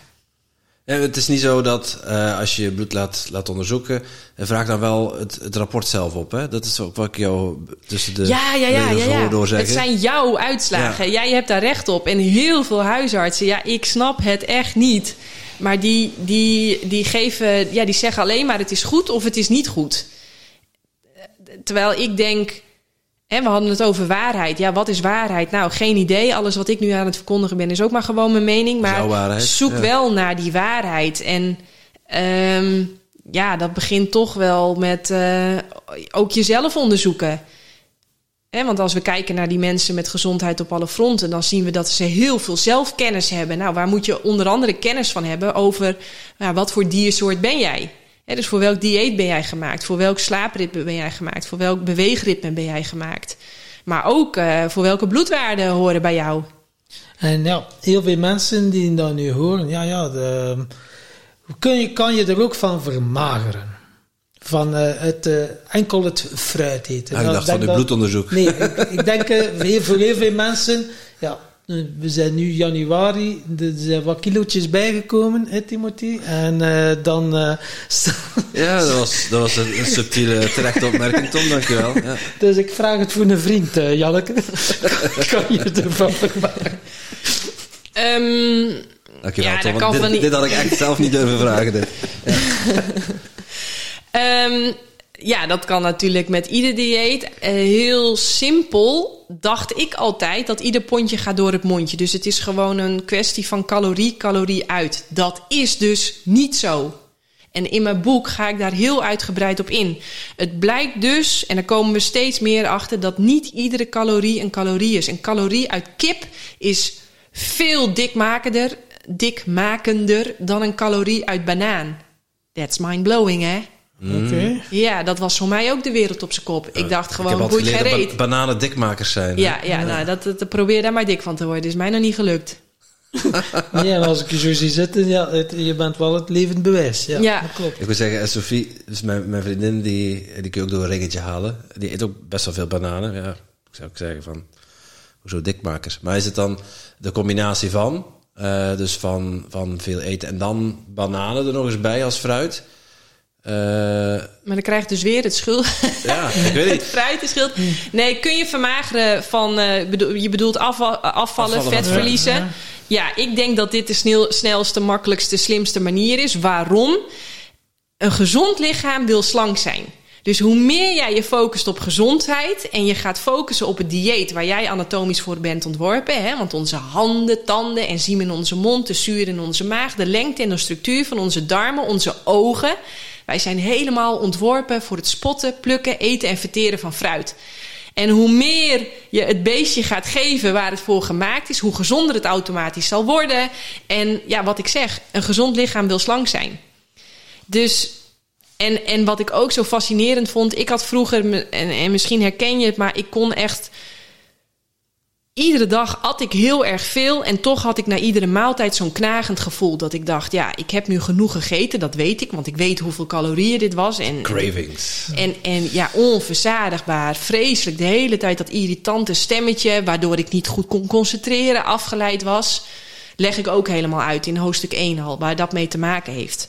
Het blijkt namelijk dat we allemaal receptoren in onze maag hebben. En die kun je vergelijken met emmertjes. En ehm, ieder emmertje moet vol zetten, zodat het dekseltje erop kan en er een signaal naar je hersenen kan van... eh, ja, alles is aan boord jongens, Eh, helemaal oké, ga lekker doen wat je leuk vindt. Eh, maar wij, zijn, hè, wij kunnen gewoon nu even lekker aan de slag met repareren en opruimen, schoonmaken en aanvullen. En kennen, je, je snapt het wel. En het blijkt dus dat wij een giga grote emmer hebben voor vitamine C. Sterker nog, ik vind het een heel opvallend risico van de natuur. In het boek leg ik ook helemaal uit waardoor, dat, waardoor ik denk dat dat kan. Maar wij kunnen geen vitamine C metaboliseren zelf. Dus wij zijn volledig afhankelijk van externe bronnen voor uh, ja, om voldoende vitamine C binnen te krijgen. Nou, ik had vroeger heel veel yoghurt met muesli, brood met kaas, uh, pindakaas, uh, pasta, uh, vlees, vis, zuivel, eieren, ja, you name it, ik vrat alles. Um, maar dat bevat allemaal geen vitamine C. Nee. Vlees, vis, zuivel, eieren, granen, bonen en noten bevatten, en junkfood bevat geen vitamine C. Dus ook al vreet je 10.000 calorieën, als er geen vitamine C in jouw maag komt, blijft dat emmertje open en blijft er een signaal naar je hersenen gaan van... Ja, ja je hebt een kleine kans met een uh, uh, pizza Hawaii, hè? Ja, er zit ananas op. Ja, ja, dan heb je kleine kans op vitamine C, maar voor de rest is het... Ja, maar er zit meestal ananas op uit blik. Dus als je daar nog wat vitamine C in vindt... kan je denk ik beter goud gaan zoeken. Want dan heb je meer kans dat je wat vindt op, in die, in die, op die pizza.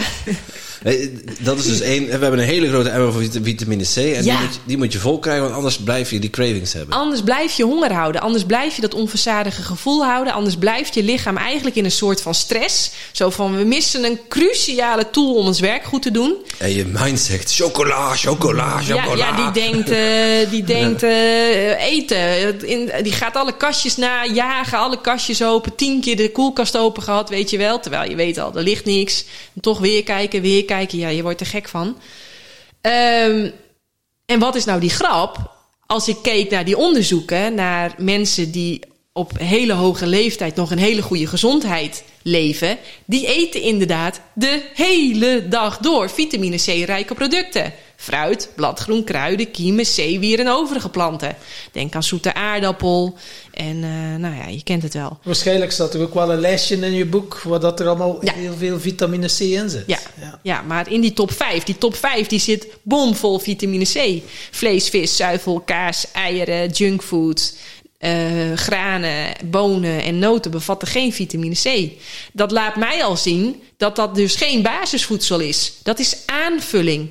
Aanvulling op die basis. Die basis moet dus zijn vitamine C-rijke voeding. Anders had ons lichaam, net als het lichaam van een kat, zelf wel vitamine C gemetaboliseerd. En dat kunnen we niet.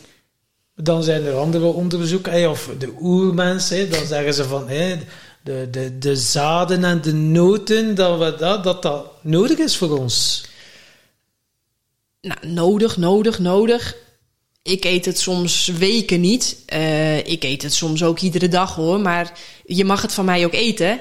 Maar het is niet de basis. Het is aanvulling op de basis. Mm -hmm. Dus ik zie noten, zaden, pitten, um, aardappelen. Uh, bloemvormige groenten, bloemkool, broccoli, um, mushrooms, uh, hoe zeg je dat in het Nederlands? Paddenstoelen. Champignons, ja. paddenstoelen, uh, algen. Um, dat zie ik allemaal als aanvulling op de basis. Oké. Okay. Ja. En dat eet ik ook dus iedere dag bijna wel. Ik eet iedere dag wel kikken, erwten, oh, linzen, linzen, bonen, erwten, die vergat ik nog even, dankjewel. Dus dat is ook nog uh, aanvulling? Aanvulling op de basis. Je zou het de jaren niet kunnen eten, dan mis je niets. Maar als je het wel iedere dag een beetje eet, dan uh, nou, red je lichaam zich daar wel mee. Maar als die basis maar staat. Het fundament moet er altijd liggen. Oké. Okay. En aan de andere kant, uh, we, we, hebben bijvoorbeeld ook uh, Richard de Let te gast gehad bij ons in de podcast. Die is voorstander van, van oereten, paleo. Uh, hij zegt, hij ziet fruit juist als een aanvulling. Ja. Maar ja, als, als ik het zo hoor, zijn, ga je er niet, uh, ga je er niet samen uitkomen. nou, ik heb met Richard samen ook in de studiebanken gezeten. En we zijn samen ook ambassadeur voor Ecoplaza. Dus uh, Richard en ik, dikke vrienden. Maar ja, ik heb het altijd over connecting the dots. En ik heb het idee dat heel veel dots van hem knoppen. Maar als hij de dots gaat connecten, dan, dan, dan, raak ik ook de kluts kwijt. Ik vind het ook altijd ingewikkeld wat hij zegt. En lastig. En allemaal verschillende regels. En complex. En ja, ik heb het idee dat de basis, waarheid, hè, als we het dan toch weer over waarheid hebben, waarheid is altijd simpel en waarheid is kort. Als je veel woorden nodig hebt, als iets ingewikkeld is en lastig, ja, dan weet ik al dat is geen waarheid. Dan, dan ja, dat, dat, dat, dat, dat, dat, ja, nou dat. Nou, als, je, als, je hem ziet, als je hem ziet en hem bezig ziet, dan, uh, dan voel je wel heel veel vitaliteit en hij, ziet, hij straalt van gezondheid. Maar goed, ja, jij staat ook voor gezondheid, dus ja. Ja, ja um, maar goed, bij, iedereen, bij iedereen is ik, iets anders waar. Hè? De, ja, dat mag ook. En uh, ieder zijn eigen mening. En, en luister ook vooral niet naar mij. Doe waar je je goed hm. bij voelt. Maar wat, wat ik uh, heel erg leuk vind, is jouw vraag was: wat is dan het optimale oerdieet? Ja. En daar ga ik wel in hoofdstuk 2 van de eiwitleugen heel uitgebreid op in. Want ik vind het wel altijd heel opmerkelijk dat het bijvoorbeeld heel vaak ook de mannen meer energie kost om te jagen dan dat wat het gejaagde aan calorieën weer oplevert. Het zijn uiteindelijk de vrouwen met hun besjes en hun knollen en hun groenten die de familie zeg maar in leven houden. En ook als je kijkt naar borstvoeding, hè, dat vind ik ook zo interessant. Hè. Ik geef nu bijna drie jaar borstvoeding. En als je kijkt naar de macronutriële samenstelling van borstvoeding, dat is Suiker. Ja, nou dat weten de meeste mensen niet, hè?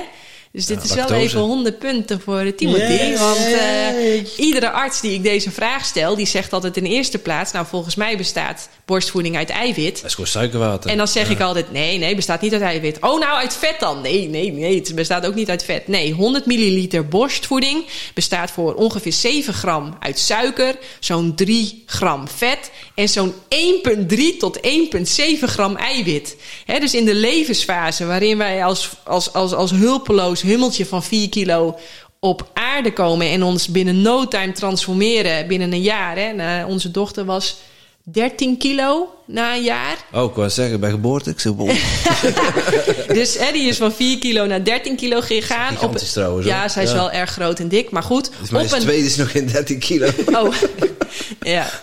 Nou, die van ons is nu bijna 16, hè? of bijna, die is al 16 kilo. Maar op een goedje van voornamelijk suiker, hè? En heel arm aan eiwitten. Ja. En, en dus dat zette mij ook aan het denken. Toen dacht ik, wauw, en ik ben al volgroeid. En we zien het ook in onderzoeken terug, hè? Als je veel te veel eiwitten gaat consumeren, aminozuren, dan wordt je lichaam letterlijk zuur. Het is onwijs belastend voor onze nieren, voor onze lever. Um, en dan word je een zuurpruim en dat is dan weer fruit. Dus dat is dan weer de basis, toch? Ja, maar geen lekker fruit. dus, uh, wil je nog een beetje water? Ja, ik wil wel een beetje spraakwater. Nee, dus dat, zo heb ik de hele tijd zitten puzzelen. En, en nou ja, dat vind ik zelf fantastisch. En is dat dan zo, ja, eiwitten, ja, zo in de fitness scene. Hè? Uh, ja, voor te roeien heb je ook spieren nodig natuurlijk. Hè? Dan ja, zeggen ze, ja, je hebt wel uh, topsport dan wordt het toch gezegd. Ik heb ook zo een keer met een personal coach gewerkt. Dat was dan ook zeven keer per dag eten. Eiwitten, kip, groenten, blauwe bessen, dat zat er nog bij. En ananas, denk ik. Maar anders zat er daar niet te veel van fruit bij. En, nee. uh, het is helemaal een hype. Ik weet het. Eiwit is wat de klok slaat. Uh, artsen, therapeuten, uh, fitnesscoaches... Ehm, ja, je ziet het overal terugkomen. Het is eiwit wat de klok slaat. En daarom heb ik dus ook gekozen voor de titel De Eiwitleugen. Um, omdat ik eerst dat verhaal helemaal ga uitzoeken van hoe de F is het toch mogelijk dat ik aan de ene kant de hele dag dood word gegooid met berichten over hoe belangrijk het wel niet is om eiwit te eten als veganist. Nou, helemaal als topsport. En als je dan nog zwanger bent of borstvoeding geeft, nou, dan moet je er helemaal om denken. Terwijl ik in die betere onderzoeken en met een beetje logisch nadenken eigenlijk hele tegenovergestelde berichten lees. Hoe, hoe, hoe is dat nou mogelijk? Dus dat is helemaal deel 1 van het boek. En daarna ga ik heel erg door naar dat eenheidsbewustzijn, naar uh, emotionele, mentale, spirituele gezondheid. En is het dan ook in dat boek uh, een, een, weekplanning? Uh, een nee, nee, nee, want dan zou ik je klein houden, een kind houden. En dat is echt mijn. Ik wil ook nooit volgers, ik wil nieuwe leiders. Je zult merken gaaf, met. Ja, leuk gezegd. Ja. Ik, ik, um, um, dus met de juiste kennis, als jij op dat gebied gewoon goede stappen maakt, dan heb je straks aan één autoriteit voldoende. En dat ben je namelijk zelf. En dan kun je alle goeroes, autoriteiten en zogenaamde leiders, die kun je gedag en, en hooi zeggen en vriendelijk groeten. Maar uh, ja, dat ben je zelf, hè. Ja. Dus daarom, ik, ik, als ik ga bepalen voor jou wat jij zou moeten eten, dan zou ik een hele slechte coach zijn volgens mij. Dan ga ik je klein houden, dan ga ik je weghouden bij je gevoel, dan ga ik je in je hoofd brengen. Nou, eten moet niet in mijn ogen niet een mentale zaak zijn. Ook niet een emotionele zaak trouwens, maar gewoon een simpele samenwerking met je lijf. En wat ik zo leuk vond, is dat hoe meer je gaat eten in overeenstemming met je anatomie, hoe makkelijker dat ook ineens wordt. Mensen vragen dan aan mij: ja, wat eet je dan de hele dag? Ja, weet ik veel. Ik eet gewoon. Het gaat hartstikke goed. Pff, Ja, weet, ja, dat is, eh, Maar Wel voornamelijk uit, jou, uit jouw top 5, hè? Ja, ja, dus ik drink heel veel groene smoothies. Dat is erg makkelijk, snel en precies wat ik nodig heb. Daar ga ik echt heel goed op. En groene smoothie bestaat dan uit groenten en fruit. Nee, ja, heel veel bananen. Ik zal even het geheime recept delen. Heel veel bananen, aangevuld met citroensap of eh, sap van bloedsinaasappel of mandarijnensap of sinaasappelsap. Ik doe er altijd veel sap bij. En dan komt nu de, de, het geheim. Eiwit. Nee, dat is eh, een bladgroen. En mijn favorieten zijn spinazie of postelijn. Aanvullen met eh, basilicum of munt. Is ook echt heel lekker. Maar er moeten dus kruiden bij. Oké. En alle mensen, ik, ik heb het al honderden keren voorbij gekomen... dat ze echt dachten, gadverdamme... dit kan toch niet lekker zijn? Spinazie combineren met basilicum en met, met Citroen en is toch banaan. niet, niet, Ja. de, niet de... Maar iedereen pak ik ermee in. Jong, oud, mannen, vrouwen. Eh, dus dat is erg leuk. En als je dat ontdekt hebt... ehm, ja, voor mij is het echt... Toen ik dat ontdekte, toen... Wow, nou, heerlijk. Dus nu de mensen, ja, we gaan het toch nog even de vogel spelen.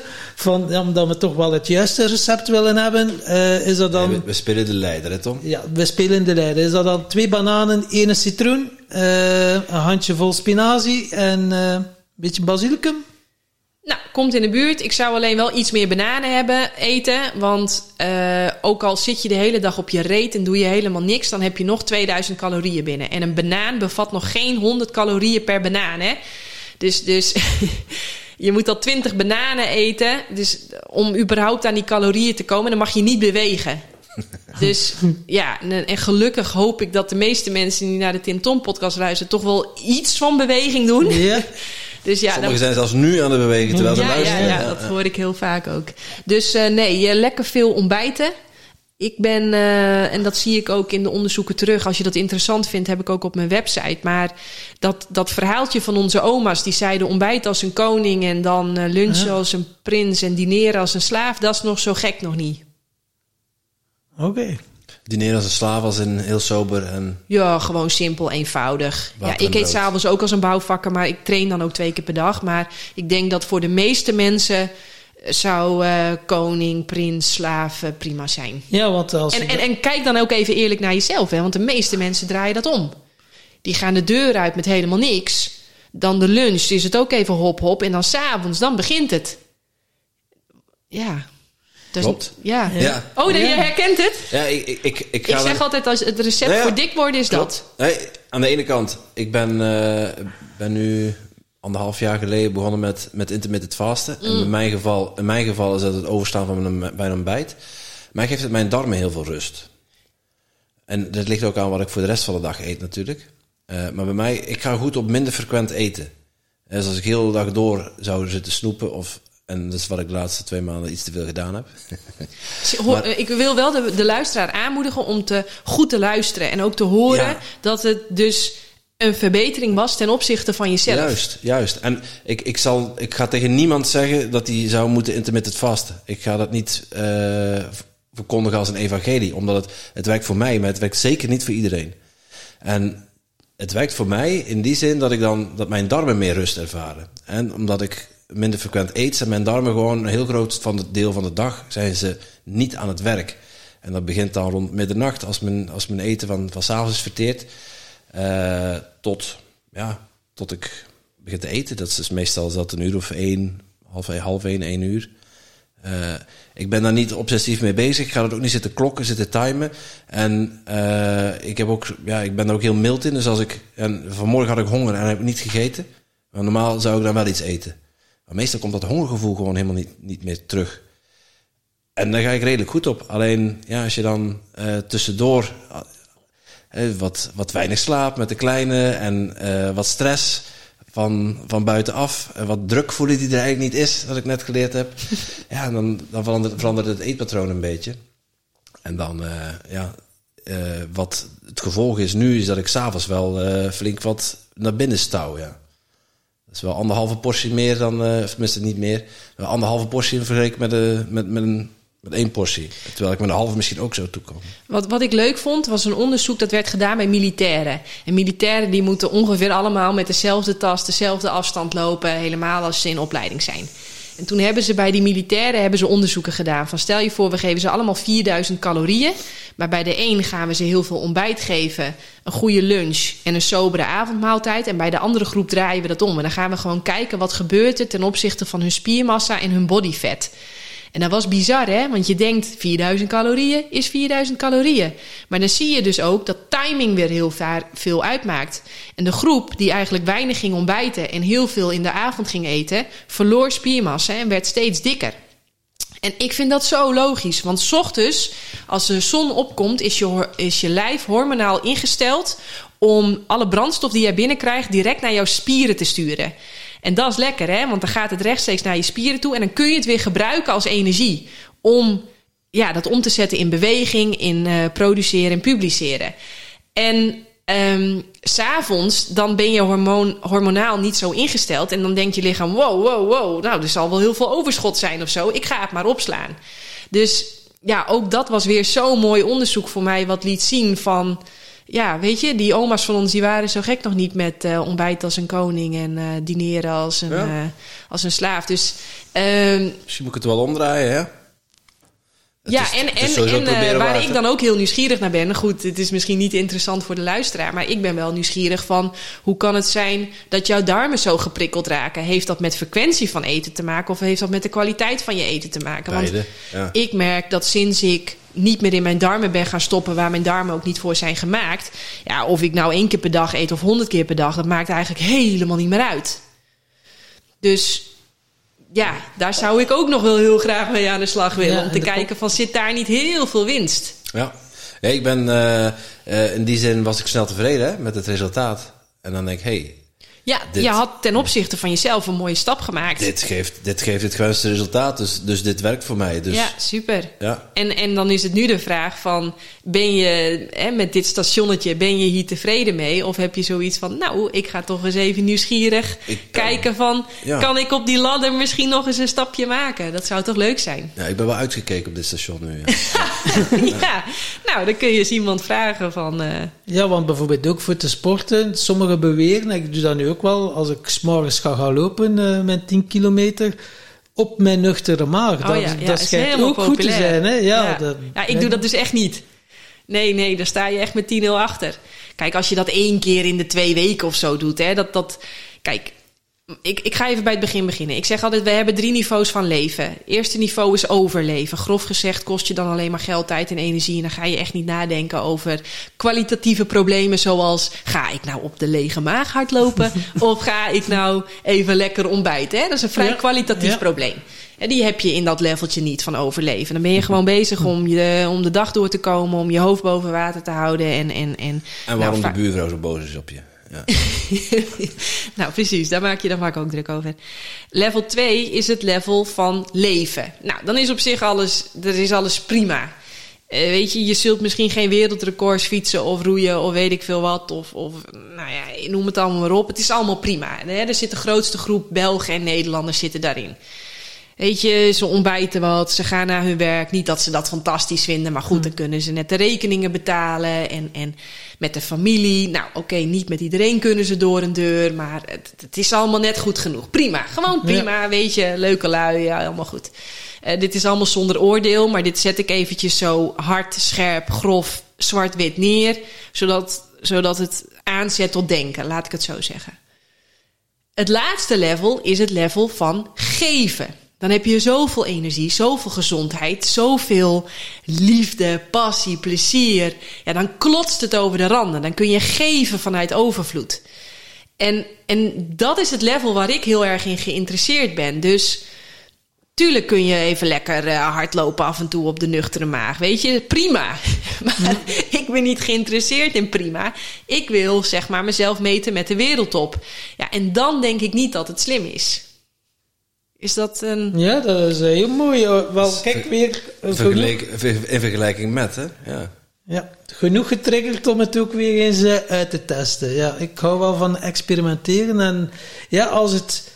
Het ma- hey, it makes sense. En dan heb ik zoiets van. hmm, het zou kunnen. En dan heb ik zoiets van: oké, hoe kan ik het beter weten of, of testen dan het gewoon te doen. En eh, dat is nog één vraag van die smoothie. Dat vul je dan aan met water of met amandelmelk. Of... Nee, nee, nee, nee, nee, nee, nee, nee, nee, nee. Je gebruikt. eh, eh, ik doe vaak even één citroentje en dan wat bloedsinaasappelsap of sinaasappelsap eh, of mandarijnensap, wat ik allemaal zelf pers met de slow juicer. Ja. Eh, dus nee, nee, nee, nee, nee, geen water. Dan wordt het smerig. Gadverdarrie. Het moet heel erg lekker zijn, hè? Want ik zie ook allemaal mensen die zeggen... ja, ik eet heel gezond. Nou, gadverdarrie. Dat, dat, dat, dat hou je toch niet vol? En eh, een, eh, een doos Minute Maid mag er ook niet in, waarschijnlijk. Want dat is Wat? ook even... Appelsientje. Appelsientje. Appelsiensap. Oh, ja, dat zou ik van- niet doen. Nee, kant-en-klaar van, uit de- eh, uit de kant-en-klaar. pak. Oh, nee, nee, dat is nee. eh, ook niet aan te raden. Ja, nee, dat denk ik niet. Hè. Ja, want, Ja, eh, ik zou, ik zou, ik zou Want niet ja, doen. veel mensen zien dat ook als fruit. Hè. Ja, ik drink elke dag eh appelsiensap. Uit de Oh, pak. oh, Uit de- oh dan is het dank je wel weer. Want dat zie ik dus absoluut alles voorverpakt of voor, eh, uit de supermarkt en zo. Daar blijf ik allemaal verder van. Nee, nee, nee. Ik heb het hier, ook goed dat je het zegt. Ik heb het hier over vers fruit, zelfgemaakte sappen en smoothies, zelfgemaakte salades. Eh, dat, dat, dat is waar ik een pleidooi voor heb gehouden. En niet voor eh, pakjes en zakjes en snoepjes en koekjes en, en, en andere de bewerkte knutsel eh, eten. Ja, maar, dat is, Knutsel eh, eten. maar dat is het uiteindelijk. En eh serieus, ja. Ik ben wel eh, benieuwd wat dat het eh, kan opleveren. Want, maar ja, je zegt ook inderdaad, B12 moet je sowieso bijnemen. Ja, en, dat is, ja, en eh, vitamine zonlicht dus eigenlijk ook. D3, De meeste vrouwen ook ijzer, ongeacht hun dieet. Eh, ijzertekort, hè, laag HB is de meest voorkomende mineraaldeficiëntie, helemaal bij vrouwen. Ook ongeacht hun dieet zien we ook populatiebreed terug. Ja, dus eh, bij de win-win methode, we hebben nu het, stukje, ah ja, stukje of stuk voeding, hè, dat is toch wel eh, een belangrijk. Wat zit er nog meer in? Dan is het toch ook wel eh, de, de mindset. Hè? Dus ja, die programmering die je gaat, het onbewuste en het bewuste. Zijn er nog eh, dingen die, dat je zegt van, ja, dat is ook wel nog een belangrijk... Ja, ik, hè, want ik, ik, als we zeg maar gezondheid op alle fronten willen, dan willen we dus en heel veel zelfkennis, maar dat willen we koppelen aan heel veel zelfbeheersing. Je kunt namelijk wel heel veel kennis hebben, als je het niet weet te beheersen, eh, dan heb je er ook niks aan. Dus ehm, kennis, zelfkennis, waar moet je heel veel kennis over hebben? Nou, dat hadden we al even aangestipt, hè? dus over je familie, je familiesysteem. Ehm, ik had eh, onbewust een negatief oordeel over mijn eh, moeder. En dat is niet goed voor je.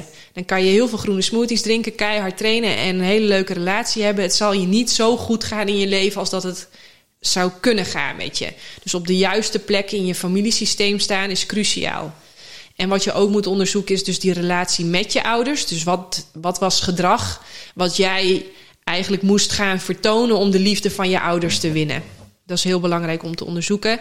Maar wat ook leuk is, is hoe gaan je ouders eigenlijk zelf om met, met liefde, met geld, met relaties, met stress, met druk, met uitdagingen, met tegenvallers. Eh, Dat is een interessante vraag, ja. ja. en dat, en dat is. Dat En als is je ouders leven, kun je daar ook gewoon over praten met hun, hè? Dat, Oh, dat is super, super, super inspirerend en eh, inzichtgevend. Ja, ja, zeker. Ja.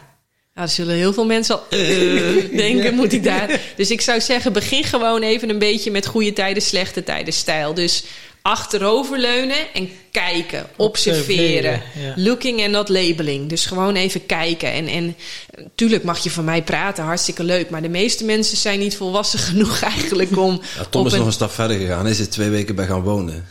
Ja, twee top. weken. Of Het was twee maanden. Eh, zes maanden, ja.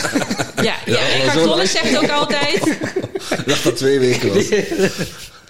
Ja, Eckhart Tolle zegt ook altijd... als je even wilt testen of je wakker bent geworden... ga op vakantie met je ouders... of ga er eventjes eh, wonen inderdaad. Dan kun je even checken van... eh, of je een beetje goed opgeruimd en schoongemaakt eh, hebt. Dat was mijn beste opleiding ooit. Ik heb Ja. er al heel wat gevolgd. En ja, dat was, Ja. komt er met kop en schouders bovenuit, ja, moet ik zeggen. ja, ja, ja, ja. Nee, ik vind een week al uitdagend. ja, ja. Ja, nou dan weet je dat je dus eh nog werk aan de winkel hebt. Zeker, ja. ja. en dan ook vooral er vrede mee hebben dat, dat iedereen is zoals hij is. Hè?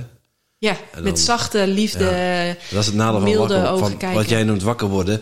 Dat je, dat je dan met een bepaald, met een bepaald, ja, oordeel wil ik het niet echt noemen. Maar er zit een bepaalde frustratie of zo.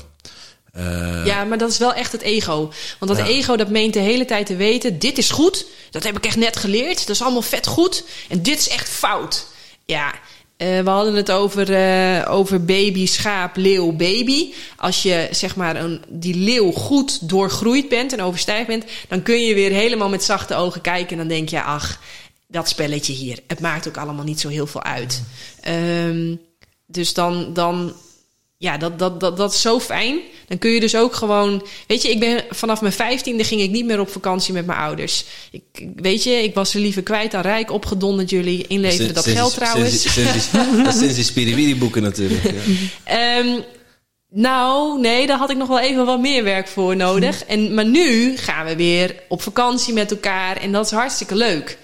Ehm, maar dat had natuurlijk niet gekund als ik met harde oordeel, oordelende ogen was blijven kijken over wat er allemaal eh, wel beter kan, al dus Dus Janneke. dan echt wel met eh, compassie. Ja, met compassie, met zachte ogen. Even loslaten wat zogenaamd allemaal goed is en wat allemaal fout is en wat er allemaal beter moet. En, eh, En eh, ja, ja hoe, hoe ga je ermee om? Hè? Heel veel mensen zitten wel in zulke situaties van mensen die constant aan het klagen zijn. En ja, als dat dan een hele dichte familie is en ja, de verplichte familiebezoekjes. En dan, verplicht ja, ben je nooit. Nee, verplicht ben je nooit, maar dan het slachtoffer, oh en dat en dat en het klagen. Ja, kan jij dan zo in die observerende. Ik hoor nu een paar luisteraars denken, ja Janneke, dat zeg jij nu, maar jij kent mijn moeder niet. kan jij ja, dan maar zo goed, als jouw direct- moeder van jou gaat eisen dat jij eh, langs moet komen zodat zij eindelijk eh, gelukkig is en niet meer eenzaam, ja, dan heeft jouw moeder werk aan de winkel, niet jij. Ja, dat is... Klopt, ja, ja, ja, maar ja, het kan natuurlijk wel. eh, ja, hoe moet ik het zeggen? En als jij er dan vervolgens last van hebt, omdat je je schuldig ja. voelt, als Ja. je niet gaat omdat je geen zin hebt, ja, dan heb jij ook werk aan de winkel. Maar jij kan eh, bijvoorbeeld, ja, dat is ook wel weer te trainen, denk ik dan. Hè? Absoluut, Op- is allemaal trainbare zo vaardigheden. Dat de observerende rol en het klagen en knikken en eh, denken van... eh, want anders kan je heel snel in die actie-reactie. Want als je iemand gaat willen veranderen, nou, dat is eh, iemand eh, zoals je ouders, dat, eh, dat werkt niet. Eh, hoe om te gaan met klagers, is dat eigenlijk Ja, je vraag? ja, Eh, nou, wat je zou kunnen doen is de hele tijd zeggen: Oh, is dat zo? En dan gaan mensen zich soms zichzelf horen praten. en als het niet stopt, de woordenstroom, dan kun je zeggen: Maar wat was nou het ergste? Wat vond je nou echt het allerergste? En dan merk je ook dat er een soort van disruption komt, waardoor mensen echt eventjes moeten gaan focussen van ja, wat vond ik nou het ergste? En dat kan ook de kwaliteit van het gesprek heel erg verbeteren. Zijn mooie. Ja. Al wat tips. eh, de, de, ja. Dus, eh, Ik moet oppassen als Tom zegt, is dat zo? Oh, is dat zo? dan ben ik, dan ben ik aan het klagen, of niet? ja. En eh, Dus je zei ook nog heel even van Ja, die ouders op de juiste plek staan. Dat eh, aan de hand van familieopstellingen. Familieopstelling heb ik zelf geen ervaring mee. Ehm, daar hoor ik wel heel veel eh, positieve berichten over. Er zijn mensen ook laaiend enthousiast over. Maar net als met ayahuasca of wat dan ook, ik word er niet door geroepen. Hm. Het blijft helemaal blanco. Eh, ik heb dat op andere manieren aangepakt. Eh, met mijn spiritueel coach Ganga Hogendoren, waar ik ook een podcast mee op heb genomen. Ik heb, eh, ja, ik heb het op andere manieren opgelost. Nee, niet, eh, daar heb ik geen ervaring mee. Oké, ja. Interessant. Ja. Maar als je er fan van bent en het heeft je heel erg geholpen, eh, super.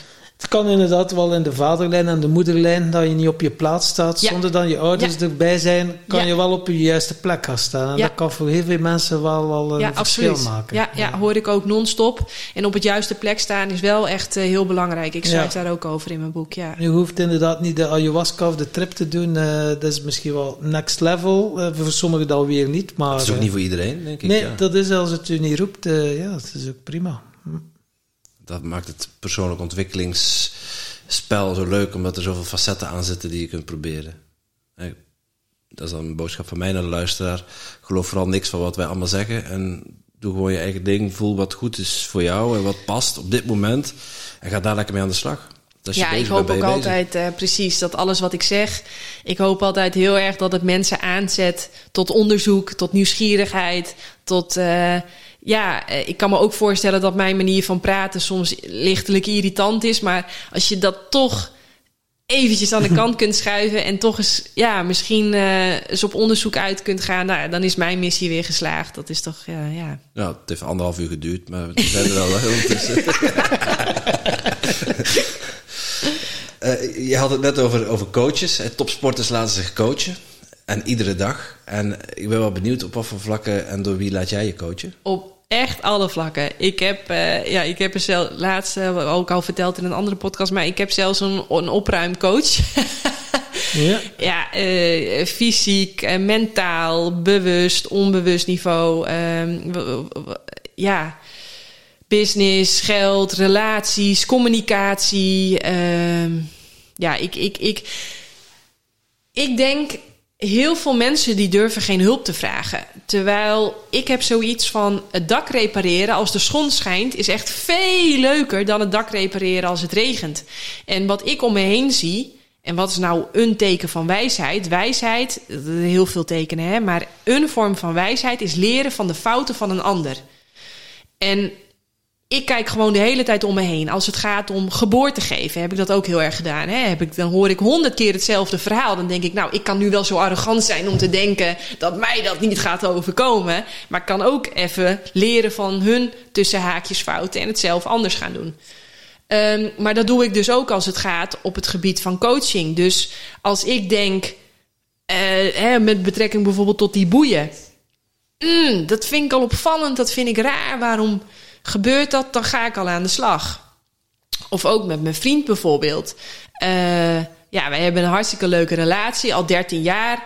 Maar je gaat mij niet wijsmaken dat je na 13 jaar niet patroontjes met elkaar hebt. En ditjes en datjes. Dus ja, dan gaan we samen eventjes eh, naar een therapeut en, en, en even kletsen. Nou, dat is, dat, dat, dat is enorm helpend.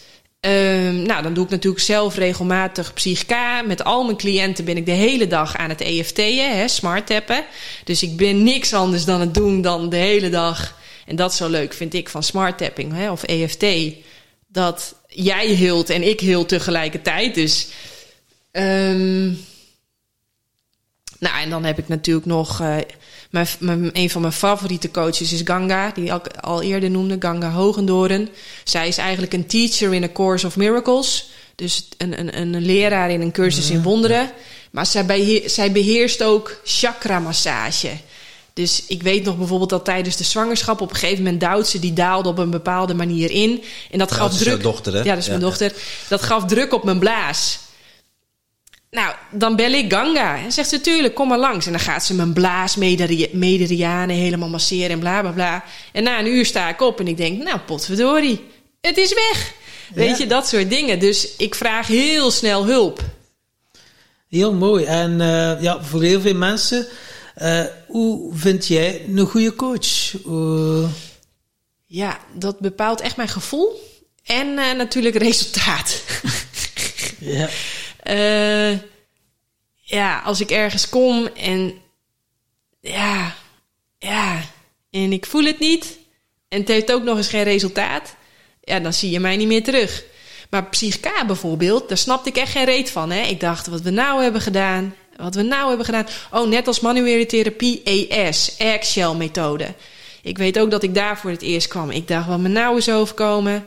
Net als bij psychica. Ik dacht, dit was echt... Kun, kun je voor de luisteraars toelichten, psychica, wat het eh, ja, is key to the psyche. En daar kun je dus die olifant mee resetten en herprogrammeren.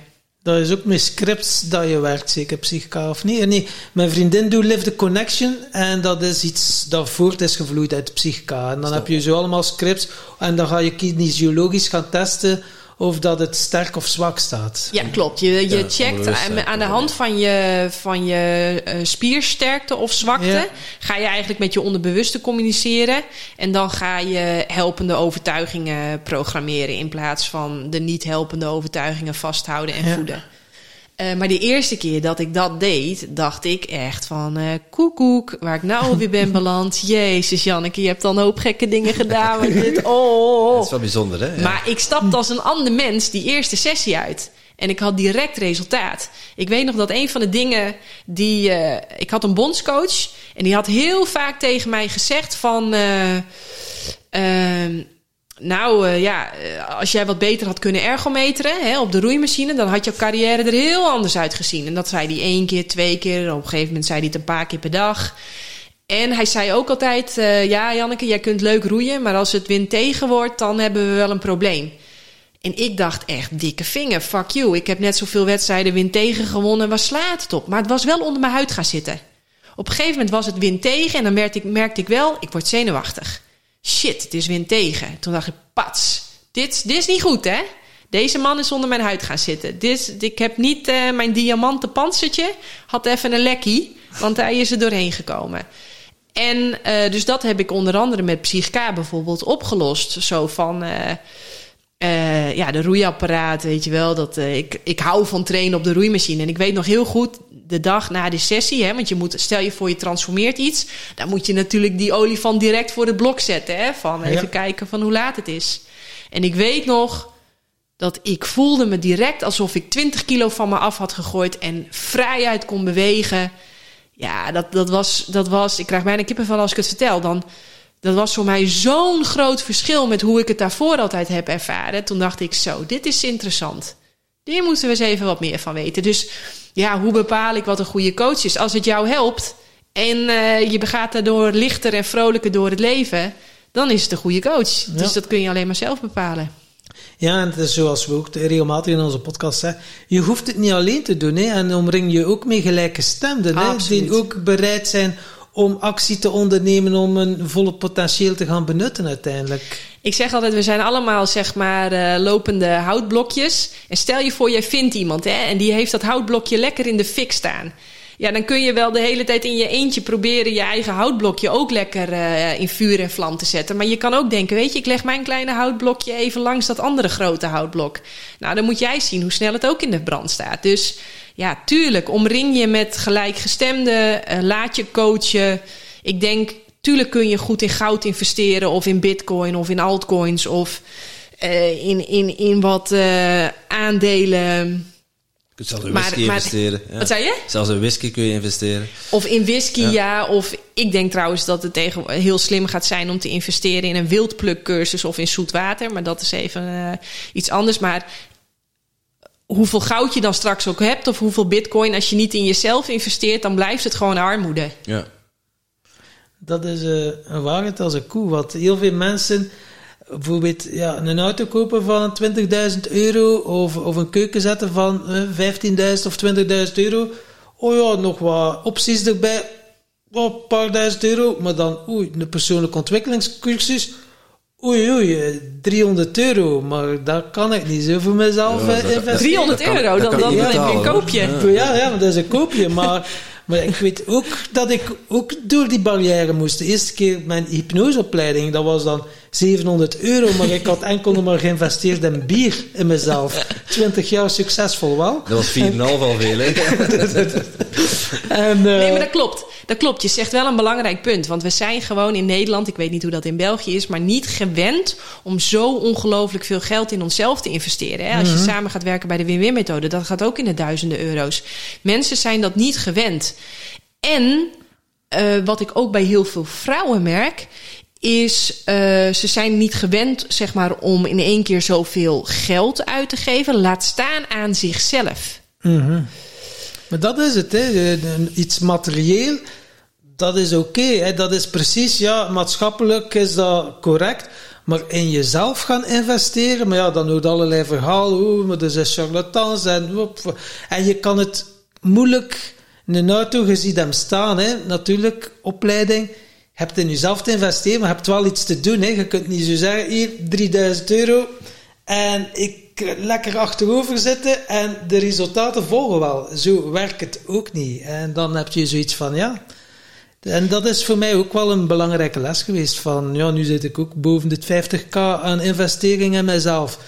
Maar ja, elke euro, ja, ben echt heel blij dat ik die stappen heb gezet. Ja. Ik investeerde wel eerst eh 700 euro in de maand aan bier en alcohol. Eh, dus ja, als ik dat dan uitrekende, was iets van een 8000 euro per jaar gewoon aan alcohol. En wel, ja, plezier. Ja, op den duur eh, is het... eh, Verdoving noem ik ja, dat. verdoving, klopt. En vluchten. en eh, ja, dan denkt hij zo, oh ja, maar leuk om wat soci- te socializen. Ja, met botten.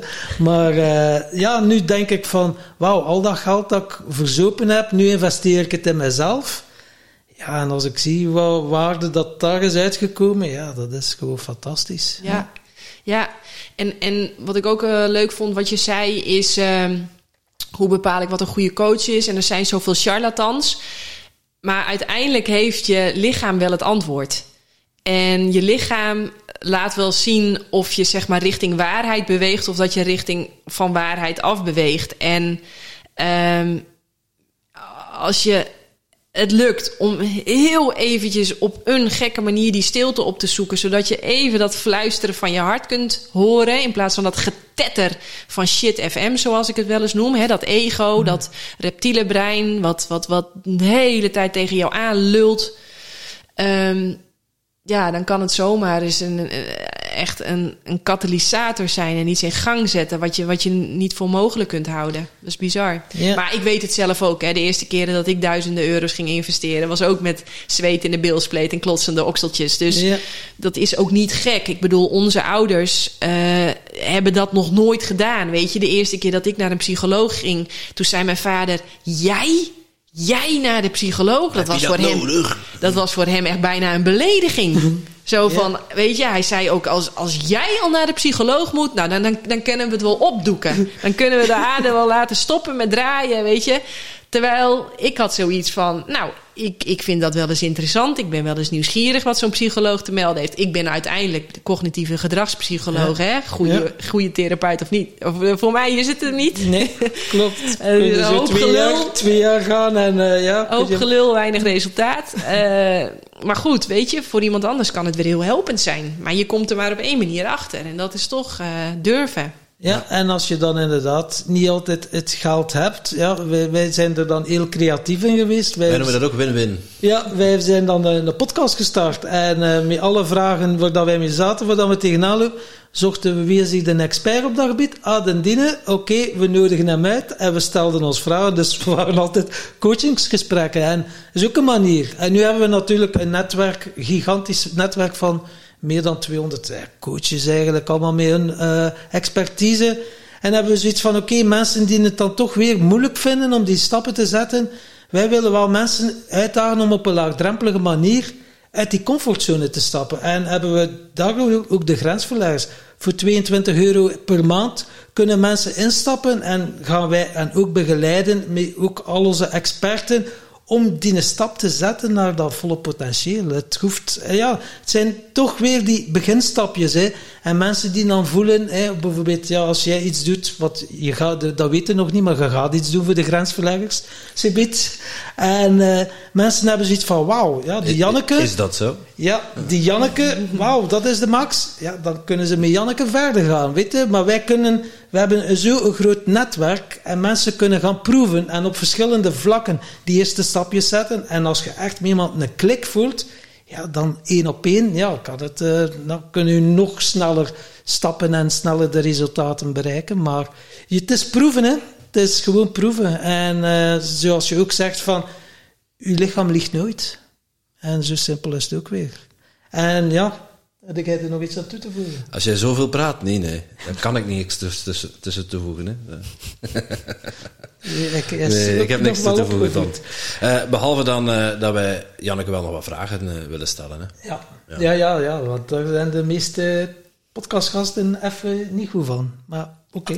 Oké, jullie hebben nog een... eh, Ja, ja, ja, ja, ja, ja, let's ja, go. ja, Ik ja, zit er helemaal klaar voor. Dit is een stukje, dit is een stukje waar wij ons wel hebben voorbereid. Namelijk, eh, we, hebben, we hebben aan alle gasten dezelfde vraag. En eh, dat is ons empirisch onderzoek, wat we aan het voeren zijn. Eh, wij doen onderzoek naar geluk en succes. Wat betekent dat voor jou? Eh, laten we beginnen met geluk. Wat, bet- wat betekent geluk voor jou? Geluk is niks anders dan je verwachtingen minder realiteit. Uw verwachtingen minder realiteit. En succes is niks anders dan je gedrag in lijn houden met dat wat je echt zelf wil. Heb je nagedacht? Ik wist niet dat ik die vraag kreeg, maar ik heb... Ja, grappig. Nee, maar je had ze wel zo uit je binnenzak. ja. Verwachtingen minder realiteit en succes, gedrag gekoppeld? Nee, Nee, je gedrag in lijn houden met dat wat je echt zelf wil. Wauw. Ja. Ja. Die hebben we nog niet gehad, hè? Nee, dat is heel mooi. Kun je die eerste kun je die, kun je die toelichten? Die kwam er heel vlot uit, dus alsof je Ja, die dagelijks eh, nou, het is niets anders. Eh, eh, stel je voor, ehm, eh, jij verwacht dat je vierde wordt op de wedstrijd, maar je wint. Dan zul je heel gelukkig zijn. Stel je voor, je verwacht dat je eerste wordt op de wedstrijd en je wordt net vierde. Ja, dan ben je heel ongelukkig. Nee, stel je voor, je verwacht eerste te worden en je wordt tweede. Dan ben je heel ongelukkig. Dus ja, geluk is niks anders dan je verwachtingen minder realiteit. Ja. Ja, mooi. Ja, ik spot nu gewoon zo'n moment in toen wij onze eerste Belgian Podcast Awards net ontglipt waren, tweede plek. En we hadden het gevisualiseerd dat we hem in ontvangst mochten nemen. Dus het was al zo. Alleen, er werden twee prijzen uitgereikt. Er werden meerdere prijzen uitgereikt en wij mochten later op de avond de award ontvangen. Eh, maar die eerste keer, ik weet nog wel, die tweede plek, ik voelde me niet heel erg op mijn best. Ja. Nee, En voor iemand die een podcast heeft over persoonlijke ontwikkeling, vond ik dat nog niet, ook, ook niet echt passen bij. Nee, dus er was twee keer, er was twee keer. De, eerst je verwachtte eigenlijk dat je zou winnen. Toen was het een teleurstelling. Terwijl tweede worden is toch echt fantastisch. Eigenlijk wel, ja. En toen kwam er weer een teleurstelling. Want je had verwacht, nou, ik ben al zo verlicht en spiritueel en bla bla bla. Ik heb duizenden euro's geïnvesteerd en zo. En nu ben ik gewoon verdomme, gewoon mens. Ik Ja, ben gewoon teleurgesteld. nu ben ik gewoon boos. Ja, was je weer. eh, Ja, daar gaat je geluk. Ja, zo simpel is het. Daarna mochten we gelukkig wel een andere award in ontvangst nemen. Dus dat compenseerde die avond. Maar eh, het, het gevoel, ik- ik- ja, komt wel aardig in de buurt. Al heb ik wel de indruk dat dan gelukkig zijn afhankelijk is van, van externe factoren. Ja, je kunt natuurlijk ook eigenlijk zeggen van... je bent eigenlijk altijd geluk. Hè, je wordt... Eckhart Tolle ook zegt. Hè? Ja, bewustzijn is je, is je geluk. En daar zitten dan allemaal filters tussen die dat geluk dan kunnen blokkeren. Als je al die conditioneringen, overtuigingen, niet helpende patronen weet op te lossen, ja, dan, dan op een gegeven moment zie je dan ook dat, dat ja, we, hè, in deze dualistische wereld dat er eigenlijk geen goed is of slecht. Het is gewoon neutraal. Ja, en dan, dan ben je eigenlijk altijd wel gelukkig. Dan maakt het je niet zoveel uit wat er gebeurt. Ja. Dus geluk zit nooit ergens in. Jij voegt geluk altijd toe. Ja, het is ook- Iets kan je niet gelukkig maken. Dat- dat- jij bent degene die geluk toevoegt, want dat geluk is bewustzijn. Het is die beleving, hè, uiteindelijk. Dat ja, het, maar er eh, zit ook dat stukje verwachting zit er natuurlijk ook in. Dat die verwachting, dat is weer een filter. Dat is jouw interne projectie van wat, ja, Mhm. wat nog niet is. Hè? Eh, maar als jij verwacht van, ja, wat ik heb is goed zoals het is. Ja, maar daarom zei ik ook, geluk is verwachting minder realiteit. De realiteit is eigenlijk al geluk, hè? want jij bent die realiteit. Jij bent dat aanwezige, jij bent die waarnemer. Puur geluk. Ja, klopt. Je zit helemaal Mooi, gelukkig. Ja. Jij bent op dit moment heel Ja, gelukkig. gelukkig. Ja, voilà. Want jouw verwachting was, oh, wat gaat ze voor antwoord komen? En niet... Eh, ja, nee, al- elk antwoord is goed, hè? Dat is het mooie eraan. Ja, heel veel mensen zijn bang van die vraag. We, we hebben ze nog nooit zo snel uit iemands mond Nee, dat was Nee. eh, Oké, Veel, veel mensen moeten echt heel diep over nadenken. dan eh, gaan we toch nu wel eh, over naar nog iets. eh. Nog iets moeilijker. Ja. Ja, we schakelen wel een niveau. Ja. Jij mag een vraag bedenken voor onze volgende gast. Zodat wij dat niet moeten doen.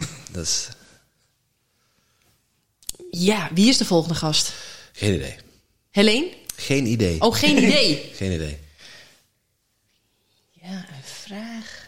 Het is wel leuk dan onze luisteraars die ook eventueel kunnen beantwoorden. Nou, wat, wat voor mij een hele belangrijke was, is om echt erachter te komen wie ben ik. En ik dacht, hè, dus, dus wie ben je? Ik denk dat dat een goede vraag is om te stellen. Want als je er op eigenlijk achterkomt dat je eigenlijk alleen maar die waarnemer bent, het aanwezige, dat bewustzijn en dat al dat andere is bijzaak, opsmuk, harnas, uh, rollen die je speelt. Als, uh, dan, als dat allemaal wegvalt, um, dan, dan ga je echt een vrij mens voelen. Dus als jij zeg maar dat ego weet laten sterven voordat je sterft. En je kunt er dus helemaal oké mee zijn als iemand je compleet afkraakt. Of het helemaal niet met je eens is. Of dat roeien maar een flapdrolle sport mhm. vindt. En dat boek ook maar om je, om je de kachel mee aan te steken en je kont af te vegen. Weet je Ik wel? dacht om muggen mee dood te slaan. Of muggen mee dood te slaan. Ja, ja. ja dan, dan, zijn, dan doen ze het niet meer. Weet je, als je daar dan eh, op een gegeven moment helemaal oké mee kunt zijn. Uh, ja, dat is heerlijk. Dan ben je echt vrij. Dus ik denk, uh, ja, wie, wie ben je? Dat is uh, ook een hele mooie vraag, ja. Zeker. En dan in die, ja, wie ben jij? De, zoals je het zei, de waarnemer van. Ja, al dat andere, dat is, dat is zeg maar. ja, het is een soort van hè, persona. Dat is mijn persoonlijkheid. Dat is zeg maar mijn masker waarmee ik op het toneel mijn, mijn, mijn rollen speel en mijn spelletje speel. Dat, dat, dat, dat, ja. En ja, je ziet. Maar dat is niet wie ik echt ben. Dat wie ik echt ben, dat is of ik nou win of verlies, of gezond ben of ongezond ben, of rijk ben of arm of succesvol, of niemand die naar me omkijkt. Dat, dat, dat, dat, dat, blijkt, dat blijft on, onaantastbaar, zeg maar. En mhm. eeuwig. Hè? Het boek van Pim van Lommel, die zegt dat bewustzijn, dat is eindeloos. Ik ben eigenlijk, hè, mijn lichaam zoals dat hier zit, dat is een soort van radiostationnetje. Dat is wat die frequentie even kan ontvangen en dan de muziek door kan geven. Maar als dat radiootje, hè, dus we hadden vroeger nog van die mooie kleine radiootjes, als dat kapot is, dan is die frequentie, die is niet ineens ook kapot of weg. En jij bent eigenlijk die frequentie, dat bewustzijn. Ja, en je kan elke keer op een hogere frequentie komen uiteindelijk. Eh, of uh, zie jij dat anders? Nee, je bent altijd, altijd ben jij die frequentie. Je kunt wel, zeg maar, uh, alles wat tussen, tussen jou en de werkelijkheid is, dat kun je weghalen. Dus je kunt ruis weghalen, zodat de muziek mooier doorklinkt. Zo niet als je zo... Hey, en dan kom je in die end, zeg maar, kom je op een hogere frequentie. Zo van die vreugde, hey, dankbaarheidsoefeningen en noem het maar op. Hey, om toch maar dat hoor je ook heel veel. Hè? Verhoog je trillingsfrequentie om gelukkiger en vreugdevoller door het leven te ja, gaan. Ja, ik zou dan zeggen, ruim gewoon heel veel shit op. Dan, dan, dan gaat die muziek vanzelf mooier klinken. Ja, dat is ook uh, een manier natuurlijk. Ja. dat, is, uh, dat is een feit. Nou, anders is het best wel hard werken. Want dan moet je eigenlijk... Uh, en sterker nog, mag ik er nog iets over zeggen of is de tijd voorbij? Ja, nee, we hebben oh, tijd oké. Nou, verhoog je frequentie. Ik, ik heb daar een tikkeltje moeite mee. Want Stel je voor, ik vind mezelf heel erg lelijk en dik en weet ik veel allemaal wat. En ik ga toch de hele tijd in die spiegel zeggen van... Uh, och, ik ben zo slank en ik vind mezelf zo mooi... en ik hou van mezelf precies zoals ik ben. Dat zeg je eigenlijk dan de hele tijd... omdat het eigenlijk niet zo is. Dus ik vind hem tricky. Snap je wat ik bedoel? ik, Mhm. aan de ene kant... Tuurlijk, je gevoel is een resultaat van je gedachten. Dus als je de kwaliteit van je gedachten gaat verbeteren, ga je vanzelf ook beter voelen. Maar ik verhoog je frequentie terwijl je deep down eigenlijk helemaal daar niet op zit, vind ik een beetje liegen tegen jezelf. En eigenlijk, hè, want we hadden het over geluk, is de verwachtingen minder realiteit. Um, als jij dus ja, verhoog je frequentie terwijl die daar niet zit. Ik, ik, ik, ik vind het toch. Uh, snap je wat ik bedoel? Ja, ik snap het ook. En aan de andere kant denk ik ook van ruim je shit op. Wel allemaal goed. Maar de shit blijft komen. En je kan ook blijven opruimen. En dan, zoals hey, Maarten Oversier, hè, regressietherapeut, ja, dan ja, heb je ook nog de shit van vorige levens op te ruimen. Maar ja, zo kan je gans je leven opruimen. En... Nee, nee, nee, nee, nee. Je hoeft daar. Nee, stop. Heel anders. Oké. Okay. Je enige doel is het hebben gewoon van een mooie dag. Je moet gewoon een goede dag hebben. En je gaat proberen op papier te zetten van wat is voor mij een goede dag. Dus wat vind ik een lekker ontbijtje waar ik meestal lekker op ga? Hoe vaak en hoeveel moet ik een beetje trainen zodat ik lekker ga? Welke, welke job vind ik een beetje leuk? Beetje een normale partner. Eh, meer heb je niet nodig. Weet je, gewoon een goede dag. En dan ga je proberen er een goede dag van te maken. En als er dan iets de hele tijd terugkomt waardoor jij geen goede dag hebt, dan denk je: hé, hey, daar moet ik eens even mee aan de slag. En dan ga je gewoon weer proberen om een goede dag te maken. Niks meer, niks minder. Het hoeft niet fantastisch. Het hoeft helemaal niet Instagram waardig. Het moet gewoon een goede dag. Voor jou een goede dag. Dus je hoeft niet te gaan zoeken, niet te gaan graven. Je hoeft niet intergenerationeel trauma op te gaan lossen. Misschien ook wel. Maar je focus is gewoon het hebben van een goede Een dag. en als je dan iets tegenkomt, dan ga je eens even denken van... hé, hey, wat Als kan ik daarmee? jou wel hoor, een goede dag. Jij gaat ook wel goed op structuur en planning.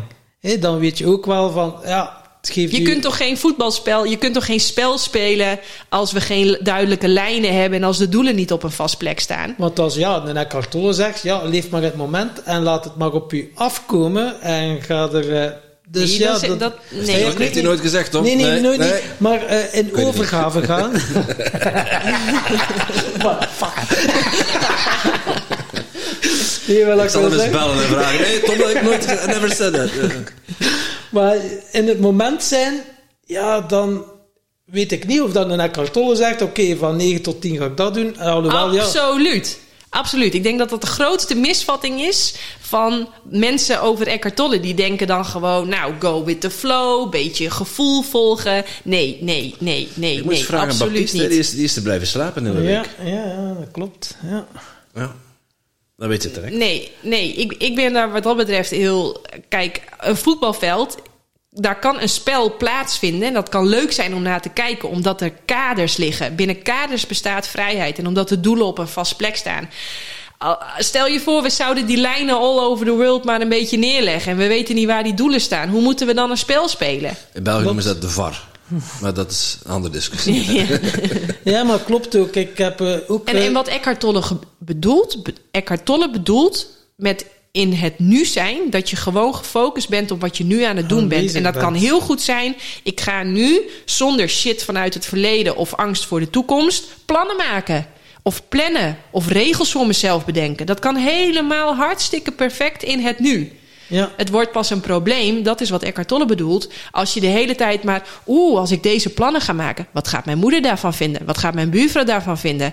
Eh, wat gaat mijn partner daar eigenlijk van vinden? En eh, ja, kan ik het wel eigenlijk? Ben ik daar wel goed genoeg voor? Heb ik daar eigenlijk wel.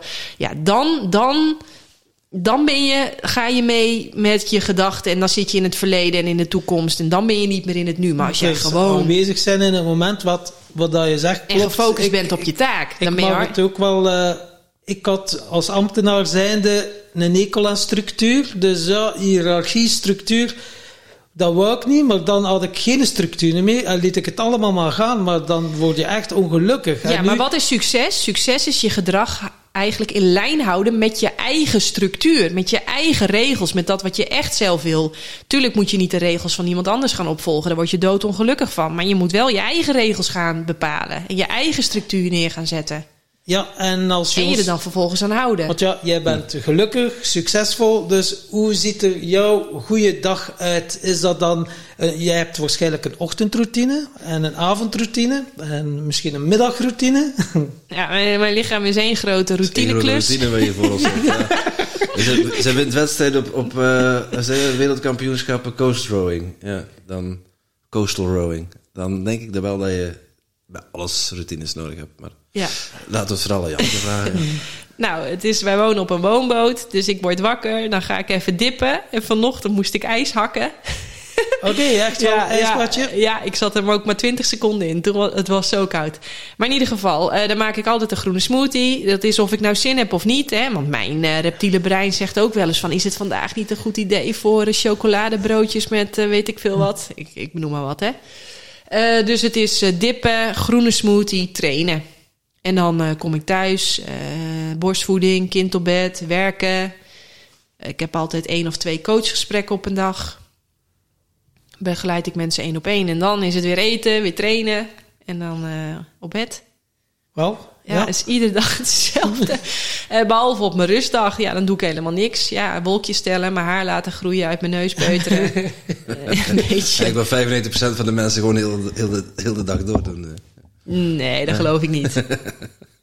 Ja, maar dat is mooi, hè? Wat structuur en het, ja, wat vind je zelf leuk om te doen? En eh, ja, dat is ook weer een stukje uit die comfortzone. hè. Als je echt iets wilt bereiken en het en wilt laten stromen, is het, ja, dan heb je actie te ondernemen. Ja, Ja, en regels eh, op regels te leggen voor jezelf. voor jezelf. Ja, Want anders word je in deze wereld vol verleiding en afleiding en speelbal van het externe. En, en daar wil je niet. Ja, want eh, dan is het ja, toch wel discipline dat je nodig hebt. Of, eh, want dat zijn ook Nou, zo woorden. discipline. Discipline, doorzettingsvermogen, wilskracht. Zo, het zijn ook zo van die woordjes die eh, ja, bij heel ik veel een mensen... beetje vies vind. Ja. Janneke zit heel hard nee te schudden. Ja, ik hou er niet zo van. Disciplineren komt ook van het woord disciplineren, wat straffen betekent.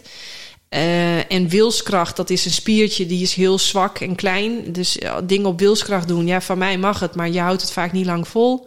Dat klopt. En eh, wat was het derde wat je zei? Doorzettingsvermogen. Oh, doorzettingsvermogen. Ja, heb ik ook een hekel aan. Eh, heb ik niks mee. Ehm, goh, hoe ga ik dat nou eventjes in één seconde uitleggen? Ja. Je, hebt nog, je hebt nog een uur ook als je wil. hoor. Oh, nou, ik zie de zon al ondergaan. Ehm, ja, even kijken. Vrijheid bestaat binnen, hè, binnen kaders. Die leg je zelf op. Omdat je alles wat jij doet, geeft jou pijn en plezier. En jij weet zelf donders goed wat jou pijn en plezier geeft. Ehm, en jij weet donders goed, zeg maar, wanneer je te veel aan het drinken bent, of te veel aan het eten bent, of veel te weinig aan het bewegen bent, of consequent te laat op bed gaat. Je weet dat zelf donders goed. Je hebt daar ook helemaal geen coach voor nodig om dat je te vertellen. Ik bedoel, eigenlijk iedereen weet het wel. Iedereen weet het wel. Ehm, dus als jij echt van jezelf houdt, hè, dan gun je jezelf toch eigenlijk alleen het allerbeste.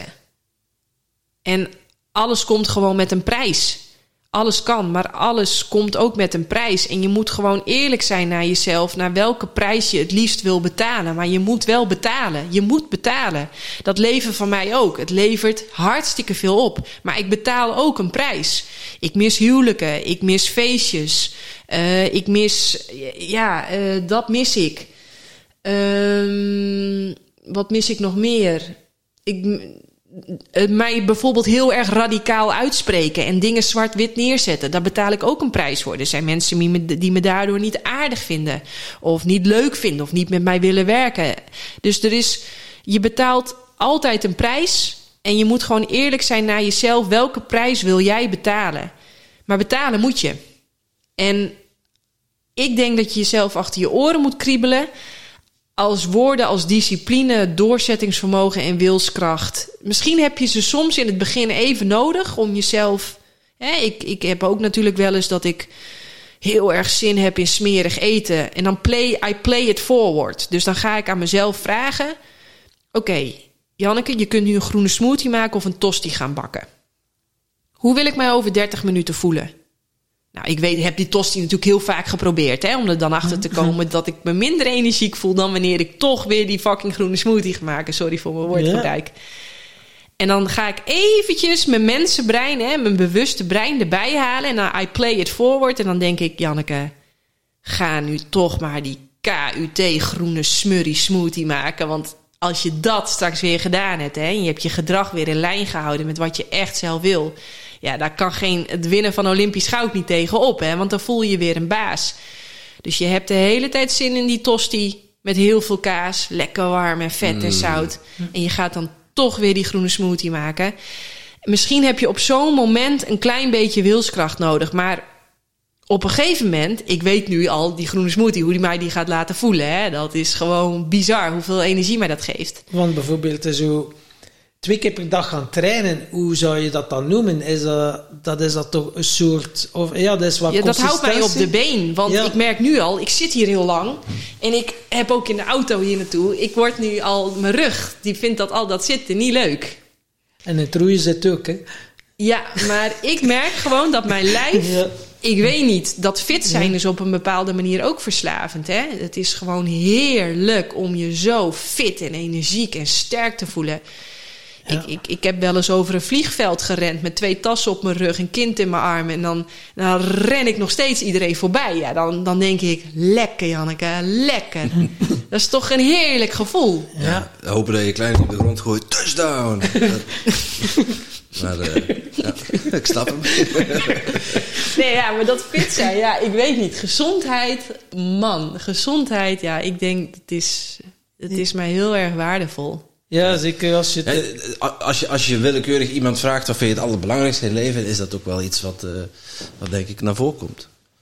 Uiteindelijk, als mensen ziek zijn, hebben ze maar één wens. dat is niet een grote auto, niet een dure auto. Uh, het, is, het is gezond zijn. een vriend van ons heeft, uh, is net, ik weet niet of hij al helemaal genezen verklaard is, maar leukemie. En ja, die vertelde het ook in onze podcast. Van uh, ja, je gezondheid is gewoon je allergrootste goed. Ja. En, en je beseft het pas als je het kwijt bent. Ja, en ik zie heel veel mensen, en dat is weer leer van de fouten van een ander. Ik heb nog nooit iemand op zijn sterfbed horen zetten, had ik maar wat meer voor de baas gewerkt. Ik heb nog nooit iemand op zijn sterfbed horen zeggen van, ja, ik had toch graag met een grotere spaarrekening willen sterven. Nee, het gaat altijd om, uh, had ik maar echt gedaan wat ik echt zelf wilde. Dat is, daar hebben mensen collectief spijt van. En uh, dus ik voel gewoon aan mezelf hoe, hoe goed mij dit in balans houdt. En het, het brengt me over de hele wereld. Ik ontmoet daar mensen, ik, ik, ik bezoek de mooiste plekken.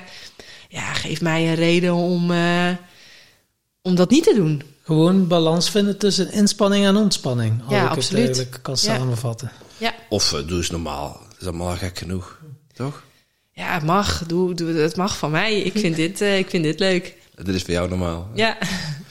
Mooi. Uh, laten we niet heel veel langer rekken. Want ja, het lijkt me wel tof om nog een leuke oefening voor de grensverleggers te bedenken.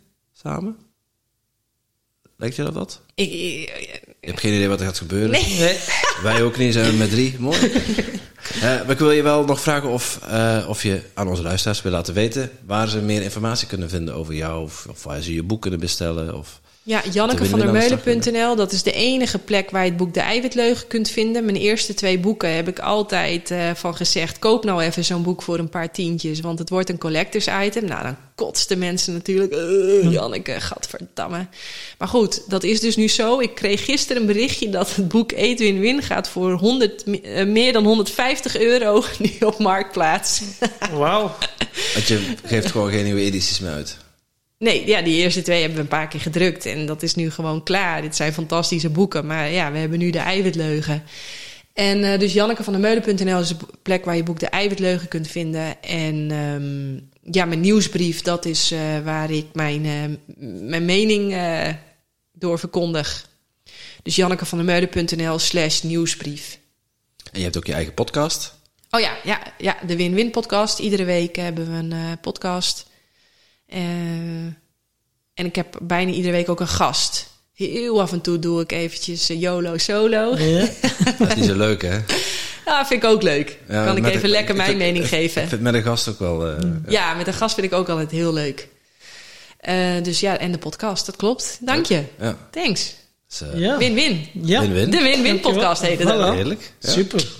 Min win-win afsluiten. Dankjewel. Hoe mooi is dat? Dankjewel, Janneke. Jullie ook heel erg bedankt.